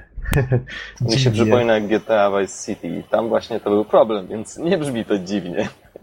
No to właśnie Resident był zawsze znany z tego, że musiałeś stać w miejscu i celować. I powiem wam, że w piątce to czasami było całkiem fajne, bo y, przeciwnik się zbliża, a my tutaj, wiecie, pakujemy w niego, pakujemy i nic się nie da zrobić. A tutaj jakby już tego problemu nie ma, ale mimo wszystko gra się dzięki temu przyjemniej. No właśnie, ja od piątki się odbiłem przez tą mechanikę. Aha. W zasadzie biegną do nas zombiaki. Okej, jeszcze było, było ograniczenie prędkości e, obracania się na PC-cie. Więc grając na myszce, to było masakrycznie wkurzające, że wiecie, my szybko ruszamy myszką, a postać jak ślimak. I żeby właśnie, nie wiem, odbiec od wroga, trzeba było wyłączyć mierzenie, nacisnąć klawisz obracania o 180 stopni, e, albo nie no, no, obrócenie zwykłej myszką było strasznie powolne, odbiec, znowu nacisnąć klawisz odwracania, znowu wymierzyć i zacząć strzelać. Straszna mechanika. Po Tutaj, tutaj nie dało dużo się przyjemniej. zcieszyć. Od razu mogę powiedzieć, że tutaj jest dużo przyjemniej. Dodano nawet takie ruchy jak rzucanie się na ziemię i to się robi w ten sposób, że e, postać się może rzucić na plecy i może mierzyć w tej, w tej pozycji, czyli to tak fajnie wygląda, że tak leżymy na plecach i pach, pach, pach, strzelamy do wszystkiego, co się rusza, powiedzmy robimy przetoczkę gdzieś tam na bok, podnosimy się, czyli takie, takie fajne ruchy można robić. E, czasami trzeba to wykorzystać na przykład, żeby jakieś, jakieś powiedzmy pułapki ominąć, bo tutaj trafiamy do, tak jak wspomniałem, do przeróżnych lokacji. Mamy te miasta, mamy jaskinie, tajne laboratoria, mamy nawet katakumby, więc jakieś pułapki w rodzaju Indiana Jonesa też się tutaj trafią. Dosłownie starano się tu chyba zmieszać wszystkie klimaty, jakie tylko się w Residentach kiedykolwiek pojawiły. Wyobraź sobie, wchodzisz do katakumby. O, cześć Geralt. tak, dokładnie. Coś w tym rodzaju. Właściwie czasami się zastanawiałem, co to tutaj, co to tutaj. Nie, nie będę się nad tym zastanawiał w ogóle. Wiecie, mózg eksploduje. Tak, tak, dziwne rzeczy się tu czasem działy, ale w Residentach to jest norma. Powiem wam, że tak jak piątka miała taki klimat e, cheesy, taki głupkowaty troszeczkę, że postacie mówiły różne dziwne rzeczy, to tutaj też tak, wiecie, jak się gra w dwie osoby, to jest zabawnie chociaż, bo to, bo to jest tak, że ta gra wygląda ładnie, jest bardzo filmowa, traktuje siebie bardzo, bardzo poważnie, stara się czasem być dramatyczna, ale jak czasem postać coś palnie, to, to, to jest tyle śmiechu przy tym, no nie wiem, powiedzmy ucieczka Leona e, z mm, właśnie z tą jego towarzyszką e, autobusem. Tam ludzie, którzy z nimi uciekali, wszyscy w tym autobusie zginęli, autobus gdzieś tam spadł. Oczywiście bohaterowie przeżyli, wychodzą z tego autobusu, tak patrzą na ten wrak, nie pamiętam dokładnie, co on palnął, ale na wojnie ludzie zawsze umierają. I, I, tak, to jest na pewno, Leon, coś, co ktoś w twojej sytuacji by w tym momencie powiedział z poważną nie, nie, twarzą. To jest, to jest po prostu kryptoreklama nowej części Call of Duty. no, takie, takie śmieszne rzeczy. Y, w piątce w każdym razie Wesker, taka postać w czarnych okularach. No tutaj też się nawiązania do Weskera pojawiają, ale to nie będę mówił gdzie i jak. E, Wesker to był po prostu, to była chodząca żyła złota, jeżeli chodzi o takie teksty. Taki totalny badass, który jak już rzucił jakimś tekstem, to taki czarny charakter w piątce. Wiesz co, to ja za chwilę będę mieć pytanie, tyle że nie chcę Aha. ci teraz przeszkadzać w taku rozumowania. Okej, okay, to w takim razie jeszcze tutaj patrzę po swoich notatkach, o czym nie wspomniałem. Yy, aha, nie wspomniałem na przykład o tym, że uproszczono nawet trochę za bardzo wymianę przedmiotów. W piątce to działało tak, że każdy miał ekwipunek i było to dość uciążliwe jeżeli chcieliśmy się na przykład wymienić z kimś przedmiotem, albo połączyć jakieś przedmioty, dać komuś e, przedmioty lecznicze, to było fajne, jeżeli się grało z kimś na jednej kanapie. Nigdy nie próbowałem grać z kimś przez internet, ale wyobrażam sobie, że to musiała być po prostu katorga. W tym momencie to działa w ten sposób, że możemy komuś przekazać przedmiot, nawet jeżeli ta postać jest hen hen daleko, co już wydało nam się strasznie dziwne, bo byliśmy przyzwyczajeni do tego starego systemu. Po drugie, tak zwane herby, czyli ziółka, które się łączyło zawsze na zasadzie, jeżeli połączymy dwa zielone, to powstaje tam lżejszy lek, jeżeli powiedzmy zielone i czerwone to silniejszy, to taka w sumie już e, tradycja. Tutaj one są przerabiane na tabletki, co jest o tyle zabawne, że wyrabiamy sobie na przykład sześć takich tabletek, Zielonych tabletek. Chcesz zielone tabletki? Nie, mam trzy niebieskie, dam sobie radę. Mamy w każdym razie te tabletki, łykamy te tabletki i jeżeli druga postać jest wystarczająco blisko nas, ona też troszeczkę zdrowia zyskuje. To miało sens, jak były spreje lecznicze. Tutaj też jest, ale jako dodatkowy przedmiot, który uzupełnia całość zdrowia. Ale że jak my łykniemy tabletkę, to druga postać obok nas co? Radiacja czy coś? No takie... Duchowe połączenie dusz. Być może, być może. O, ogólnie rzecz biorąc, są takie dziwne designerskie decyzje. Po pewnym czasie przestaliśmy w ogóle je kwestionować, bo to wydało nam się tak dziwaczne. Ale w każdym razie kilka kwestii uproszczono. E, tak jak wspomniałem, jest przyjemniejsza kontrola. Niestety to, że postawiono na tą Call of, akcję w stylu Call of Duty, bo tu dosłownie bardzo często, wiecie, coś wybucha, coś się wali, to w piątce naprawdę nie było tego aż tak dużo i aż tak intensywnie. Dlatego jakby klimat gdzieś tu uleciał tego rezydenta. Myślę, że fani właśnie mocno dali znać twórcom, że byli z tego niezadowoleni, bo już e, po premierze pojawiły się głosy, że jeżeli powstanie kiedyś następny Resident, to będzie trzeba bardzo dokładnie, twórcy będą musieli bardzo dokładnie przemyśleć, e, w którą stronę pójdą. Bardzo możliwe, że kolejna część Residenta będzie rebootem. Tutaj wcale bym się nie zdziwił, zwłaszcza, że ta szóstka właśnie stara się tak upchnąć wszystkie motywy, postacie. To jest taka gra mocno robiona pod fanów, a fani mimo to byli z niej mocno niezadowoleni, więc myślę, że Capcom teraz będzie próbował wybrać trochę inny kierunek. Nie wspomniałem o przeciwnikach. Tutaj, co prawda, mówiłem, że są walki z bossami i y, mini-bossami, tam przeróżne tam zombie czy jakieś bestie w rodzaju wielkich, przerośniętych jaszczurek i innych takich, więc tu, tu jakby też starano się upchnąć różne pomysły z, różny, z różnych rezydentów. E, tylko to, Będzie. Kikmora. Na pewno coś podobnego by się znalazło, e, ale coś istotnego, co chciałem o tym powiedzieć, to to to, że upchnięto faktycznie bardzo dużo tych bossów i mini-bossów, ale wszystkie te, nawet nie tylko walki, nawet te sekwencje, tak jak wspomniałem, te, te, te jazda gdzieś, czy, czy takie właśnie przerywniki, tego wszystkiego jest multum. Widać, że włożono w to masę pracy, bo kontentu jest ogrom, od groma, ale cały czas miałem wrażenie, że to wszystko jest takie zrobione niedopracowane, niedoszlifowane. Czyli na takiej zasadzie, ok, mamy jakąś sekwencję jazdy i strzelania, ale ona nie dawała jakiegoś sensownego fanu. Ok, zestrzeliwuję te cele, które są tutaj albo tam. W sumie coś się dzieje, dużo wybuchów. O kurczę, dobra, trafiliśmy samochodem w jakąś przeszkodę, trzeba zacząć tam od checkpointu.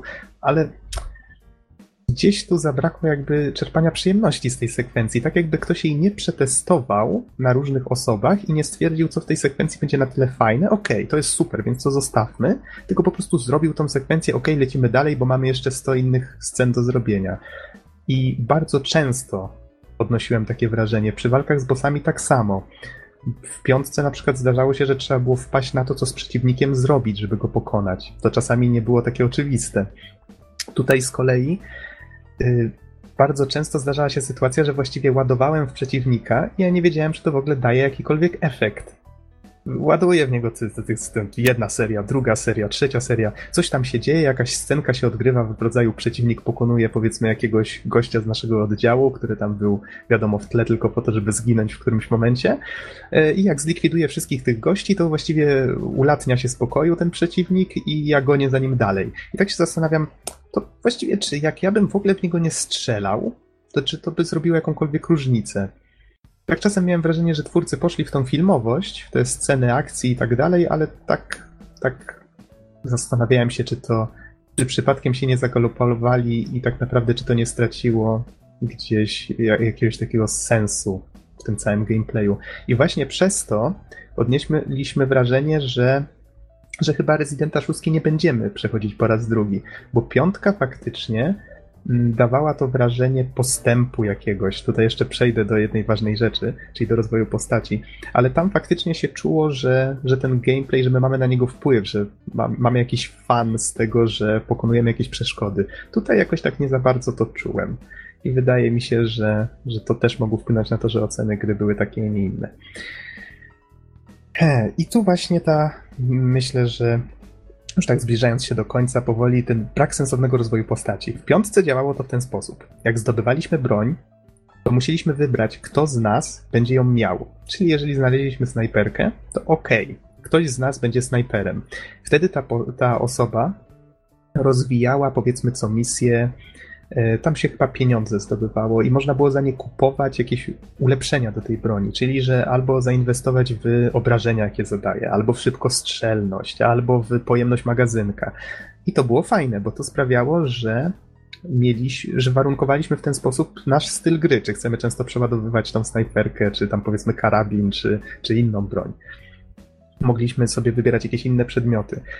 Tutaj z kolei mocno się zdziwiliśmy, bo e, właściwie patrzymy, między misjami nie ma w ogóle żadnego menu do ulepszania broni. Gdzie to się podziało, nie? Tak zastanawiamy się, nie, no to gdzieś musi być ukryte.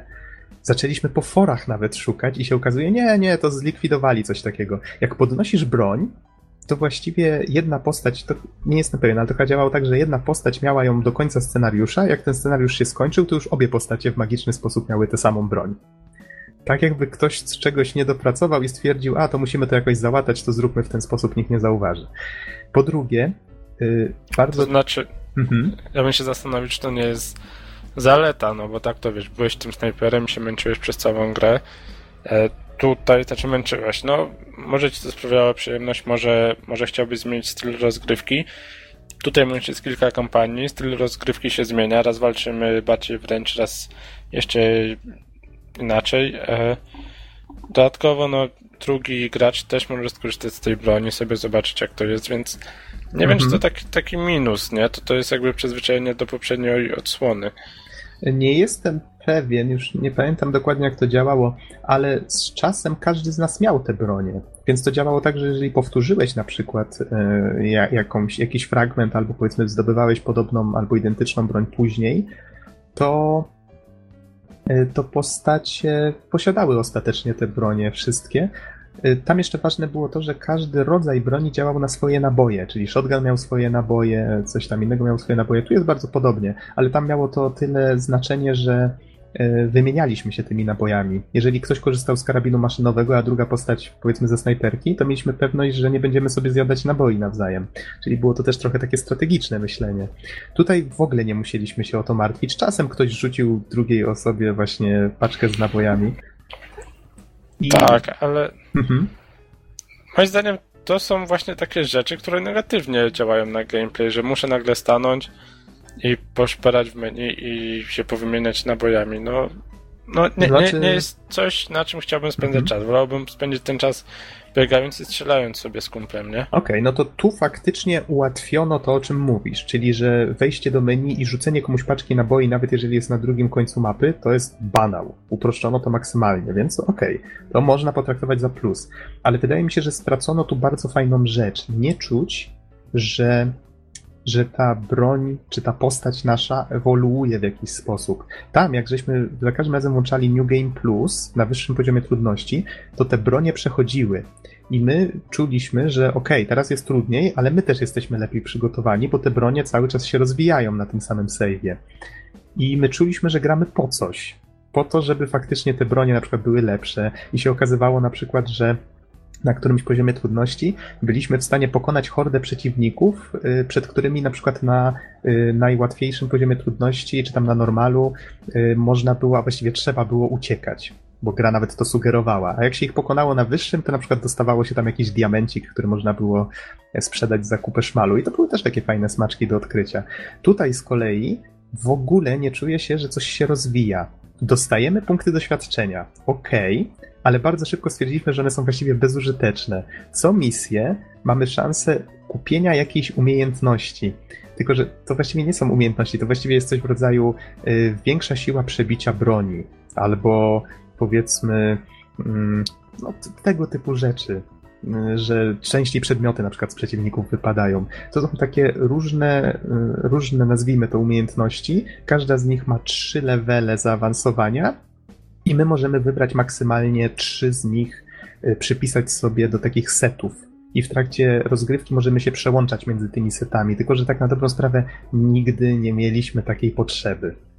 Wybraliśmy sobie tam powiedzmy siłę przebicia broni, y, chyba obrażenia od broni palnej i obrażenia od, yy, od walki wręcz. I to, żeśmy po prostu rozwijali chyba do końca gry udało nam się te trzy rozwinąć do, do trzeciego poziomu i to właściwie tyle. Nie było na, w ogóle nie było czuć po tym, że to e, że, w jakiś sposób rozwijamy te nasze postacie czy te bronie. No według mnie to było w porównaniu z piątką to był straszny, straszny minus. I myślę, że to w sumie w sumie tyle. Tu mogę jeszcze wspomnieć o tym, że gra ma masę dodatkowego kontentu, czyli mamy te dodatkowe poziomy trudności. Ok, to nadal jest. Mamy dodatkowe tryby, tak jak poprzednio, czyli mamy Mercenaries, czyli że jesteśmy wrzucani na arenę i jesteśmy atakowani przez kolejne fale przeciwników. To tutaj nadal jest. Mamy tryb, w którym możemy, tylko tego akurat nie testowałem. Zresztą jak próbowaliśmy się połączyć z jakąś akcją w internecie, to się okazało, że już nikt to nie gra. Albo po prostu nie mieliśmy farta. E, jest też taki tryb właśnie, w którym można się wcielić w potwora w akcji innego gracza w singlu. Jeżeli tylko ustawił, że ma tryb online. To wtedy któryś z potworów, którego atakuje, to wtedy możemy być my. To wydaje mi się całkiem fajny pomysł, no ale nie mieliśmy okazji tego przetestować. E, poza tym nie pamiętam dokładnie za co się to odkrywało, ale to chyba były takie mini achievementy, nazwijmy to, powiedzmy, ubić ileś tam przeciwników albo zrobić coś takiego w danej misji i za to się odblokowuje różne dokumenty, modele postaci do oglądania i to jakby rozwija trochę backstory całej historii. No i tak jak wspomniałem, 26 godzin mi naliczył Steam, nie wiem czy poprawnie czy nie, ale jest tego całkiem sporo. Na ilość atrakcji, którą gra oferuje, to faktycznie wydaje się, że grało się dużo, dużo więcej. Tylko, że muszę uprzedzić, że to faktycznie jest gra właściwie na raz. Przynajmniej takie odniosłem wrażenie. No, bierzcie pod uwagę, że piątkę żeśmy przeszli ze trzy, może cztery razy, a nadal chciało nam się w nią grać, więc to była po prostu fajna gra. Miała swoje archaizmy, owszem, ale do koopa nadawała się idealnie. No nie wiem, ja nie, nie strawiłem. Może kwestia grania na, na myszce i klawiaturze, no bo na gamepadzie Mhm. jakby to sterowanie jest bardziej naturalne, ale nie wiem, mnie piątka odrzuciła, podejrzewam, że szóstka by mi bardziej podeszła. Kwestia gustu, może, może... No dobra. Co jeszcze mogę wspomnieć tylko o tym, że e, w piątce były strasznie głupie quick time eventy. Tutaj też jest ich sporo, są trochę lepsze. W niektórych momentach też są chamskie, na takiej zasadzie e, dobra, dobra, robisz coś innego, szybko naciśnij w pół sekundy tam A czy coś, cholera, nie udało się, dobra, checkpoint. Więc też zdarzają się takie głupkowate rzeczy. Wiesz, Toks, ja mam do Ciebie jedno pytanko. No, Y, Konkretniej, dobra, grałeś na, na koopie, natomiast, y, Mhm. no i oczywiście samo, sama gra na koopie niesie ze sobą dodatkowe, dodatkowe zalety, dlatego że można się pośmiać wspólnie, można pokomentować, co się dzieje w grze i No tak tak. dalej, i tak dalej. Zresztą sama współpraca też jest dosyć ciekawa. Natomiast y, czy, czy uważasz, że gdybyś grał w pojedynkę, to bawiłbyś się równie dobrze, czy może byłoby zupełnie inaczej? Czy jakby, czy sam content gry y, broni się samodzielnie, czy potrzebny jest ten koop, żeby, żeby rozgrywka była płynniejsza, ciekawsza, bardziej emocjonująca? To jest strasznie, strasznie ciężkie pytanie. Mam nadzieję, że jesteś z siebie zadowolony. Fuck yeah! O rany. E, Powiem tak, czy chciałbyś grać w Dead Space'a trójkę w pojedynkę? A skąd? A to mimo wszystko była gra, która była zrobiona całkiem solidnie, sam przyznasz. Znaczy myślę, że było całkiem w porządku, aczkolwiek y, wydaje mi się, że nie byłaby na tyle dobra, żebym, żebym chciał grać w pojedynkę. Wydaje mi się, że, że jednak mimo wszystko obecność drugiego gracza i tej współpracy e, mocno podkreślał jakby zalety tej rozgrywki, że po prostu mogliśmy się skupić e, na grze, współpracować i to było naprawdę fajne. Natomiast pojedynkę wydaje mi się, że mogłoby trochę powiewać nudą, ale, ale nie jestem pewien. Mhm. No to tutaj powiem szczerze, miałbym podobny dylemat, bo my właściwie odpaliliśmy tę grę tylko po to, żeby grać w nią w koopie.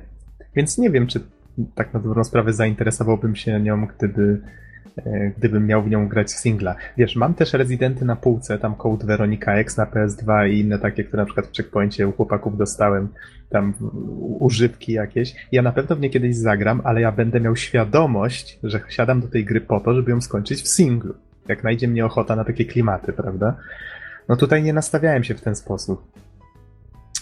Więc, no nie wiem, wiesz, wiesz jak to jest. Zresztą jest ta niepisana zasada, że każda gra w koopie wydaje się lepsza, prawda? Tak. A zresztą ostatnio żeśmy The Island skończyli. To ten właśnie, weekend. to jest, chciałem to zostawić na sam koniec, żeby stworzyć taką fajną zapowiedź, no ale skoro już się wydało, no to A, możemy już od razu powiedzieć. E, To możemy już od razu powiedzieć. Konkretniej udało nam się ukończyć wreszcie Dead Island na koopie, o którym zresztą też wspominaliśmy jakoś trochę wcześniej. E, I plany są takie, że w następnym podcaście powinna być już recenzja. Zobaczymy jak to wyjdzie, ale raczej nastawiam się na to, że, że nam się uda. Mhm. No, a ja tak jak wspominałem, właściwie to już mm, ja- jakieś takie drobniutkie podsumowanie, komu polecam Residenta 6. Wydaje mi się, że to jest gra kierowana przede wszystkim do fanów, tylko że nastawcie się na to, że jest tu multum akcji. Najlepiej załatwić sobie kogoś do koopa, bo wtedy będzie po prostu fajniej. E, nastawcie się na to, że gra jest maksymalnie głupkowata, jeżeli chodzi o fabułę i to, co się dzieje. Saints Row? No właśnie problem w tym, że Saints Row nie traktuje siebie poważnie, a Resident traktuje siebie strasznie poważnie.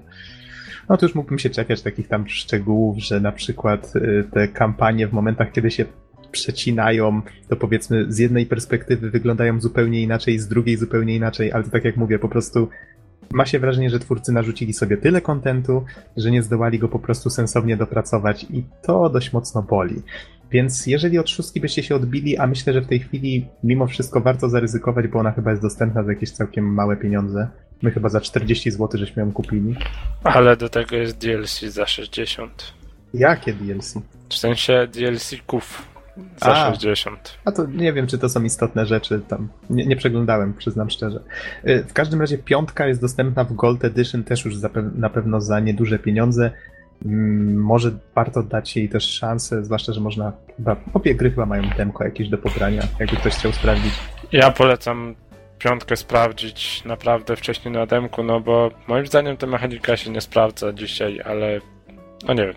No, mi się na przykład bardzo podobała. To znaczy inaczej, powiem ci, że ja tak z obserwacji, bo ja już tak jak wspominałem, nieraz tę grę na jakichś konwentach czy, czy innych zlotach widziałem. Najfajniej obserwuje się, jak dwie osoby, które nigdy w to nie grały, próbują współpracować właśnie w tej akcji, która była w demku. Czyli, że jesteśmy osaczeni w małym domku i nagle wszyscy y, mieszkańcy miasta zaczynają wdzierać się przez okna i tak dalej, w sensie zamienieni w te zombiaki. To jest najfajniejszy, najfajniejszy moment chyba w całej grze. Najlepiej dopracowany, bo w tym momencie ta, ci gracze uczą się współpracy dopiero. I to jest ten moment, kiedy popełniają najwięcej błędów, najwięcej giną i zdarzało mi się patrzeć, jak ktoś próbuje przez godzinę z drugą osobą przejść tą akcję, a potem reszta gry to już o, tu, tu, tu, tu, tu teraz już jesteśmy wprawieni, bo przez tą godzinę to już właściwie tak się nauczyliśmy współpracy, że przygotowało nas to na wszystko. Więc to, to takie zabawne, ale ciężko się wprawić w tę grę, ale powiem ci, że No. potem jak już się to zrobi, to jest naprawdę fajnie. No właśnie, moim zdaniem oni nie walczą tyle, na tyle z poziomem trudności, to co po części walczą to z mechaniką jednak. Jakbyś zobaczył, to jakbyś zobaczył prawdziwą walkę z poziomem trudności już na tym najwyższym, u, to wtedy już nie ma czasu No. na walkę z mechaniką. No właśnie o to chodzi, a mechanika jest na tyle oporna tam, że czasem, przynajmniej ja walczyłem, a nawet dużo walczyłem. To, że no jeżeli tak trywialny element jak odwrócenie się, przybiegnięcie kawałka, odwrócenie się ponownie jest złożone, no to no to, to niestety za dużo. No tak, czujesz się trochę jak taki mały czołg, prawda? Ale, ale, Tak. to też, ale to też sprawia, że jak jesteś taki mało mobilny, że czujesz bardziej stres związany z tym, że obok ciebie siedzi gigant, stoi gigant z, powiedzmy z piłą mechaniczną i zaraz cię może na pół przepołowić. Tak, tak, ja się zgadzam z tym, że to wymusza inne taktyki, aczkolwiek no ma też swoje minusy dla gracza, który jednak jest przyczajony do innych stylów rozgrywki, bardziej dynamicznych, bardziej elastycznych, no takich jakie dzisiaj są oferowane, tak. A tak mi się przypomniało a propos tej piły mechanicznej. W szóstce bardzo często zdarza się, że jesteśmy raczeni, no zresztą tak jak w Dead Space'ie, jakąś animacją śmierci, która jest bardzo drastyczna. No, żeby tutaj daleko nie szukać, jeden z potworów na przykład y, składa jaja w bohaterze chyba przez usta i potem coś się z niego wylęga, inne tego typu rzeczy, albo ta piła mechaniczna właśnie nas przeżyna i my tak To patrzymy co, na... w trójce mówisz? Nie, nie, teraz ja mówię o Rezydencie, tylko że Mhm. porównuję do Dead Space'a, bo tam też się zdarzały takie animacje. Znaczy akurat, wiesz, ci W szczerze, dwójce, że w dwójce bywały najczęściej Aha. chyba. w trójce też ponoć słyszałem takie opinie, ale jakoś Aha. grając z tobą nie zwróciłem na to zupełnie uwagi. Może tak dobrze nam szło. W, każdym razie, w każdym razie w Rezydencie 6 te animacje się właśnie tak załączały i to, to było w pewnym momencie męczące. No tutaj tak się dołączę do Bizona a propos męczących rzeczy. Na zasadzie Ech, no dobra, tak wiesz, powiedzmy, że trwa już y, 30 sekund albo 20 sekund to rżnięcie tą piłą mnie i no dobra, już zrozumieliśmy, że Leon zgi... Do, auć, dobra, to musiało boleć, tak, no okej, możecie już to wyłączyć, nie? I dopiero wtedy game over. Więc tak, takim, takim akcentem myślę, że możemy skończyć tę recenzję. Chyba już powiedziałem wszystko, co miałem do powiedzenia. Odnośnie brachów z Resident Evil, no to też często ludzie się nabijają z cutsceny, gdzie zaczyna się ktoś mutować i A, oczywiście wiem, i, na, i nasza postać stoi przez dwie minuty, patrzy jak ten koleś się mutuje, zamiast go od razu zastrzelić i mieć święty spokój. No. E, To jest właśnie jedna z tych, jedna z tych głupkowatych rzeczy w Rezydencie, tak. To jest tak zwane, tak bardzo w ciebie mierzę i nie wiem co zrobić. No, no, no, Czy, dokładnie. czy, ta, czy tak bardzo w ciebie mierzę i nic się nie dzieje. tak, to bez przerwy. Jak tylko jest scena, jak bohaterowie do siebie mierzą, to wszyscy tak celują w ciebie, och, jak, jak groźnie wyglądam, nie? Ale, ale, ale właściwie do niczego nie dochodzi. A więc. Ale to- groźnie wyglądam so awesome, zrób screena. Nie zdążyłeś jeszcze? No dobra, jeszcze chwilę postoję. No, no już zrobiony? Tak, więc to, to, jest, to jest fajne, o ile się gra właśnie dwie osoby i można się z tego pośmiać. Wiesz, Dobra. przypomina mi to Panowie. trochę nasze wrażenia z Dead Island. To usłyszymy za tydzień. Pewnie Tak, tylko że widzisz, y, w Dead Island, tak może króciutko powiem, y, No nie, bardzo... nie, no to już zostawmy chyba na za tydzień, Tak? bo musimy już kończyć. No dobra, bo- okej, bo m- mogę zapomnieć. Chodzi mi o to, że w Dead Island wiele rzeczy nie jest tak wysokobudżetowych jak w Rezydencie. Resident jest jak taki wysokobudżetowy film, który stara się być super poważny, dobrze wykonany, ale mimo wszystko w tej swojej powadze jest po prostu śmieszny.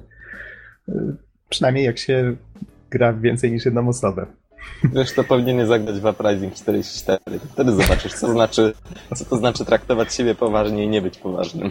Okej, skoro tak mówisz. Dobra, panowie, kończymy, bo coś tak chyba Bizon już przysnął, czy jeszcze nie? Nie, was cały czas słucham, panowie. Okej, to w takim razie, skoro jesteśmy w komplecie, to myślę, że możemy przystąpić do pożegnań. Dziękujemy wszystkim bardzo za uwagę. Zapraszamy na stronę www.papady.pl i do usłyszenia w następnym podcaście. Trzymajcie się. Do usłyszenia. Trzymajcie się na razie. Na razie. I przede wszystkim przyjemnej majówki.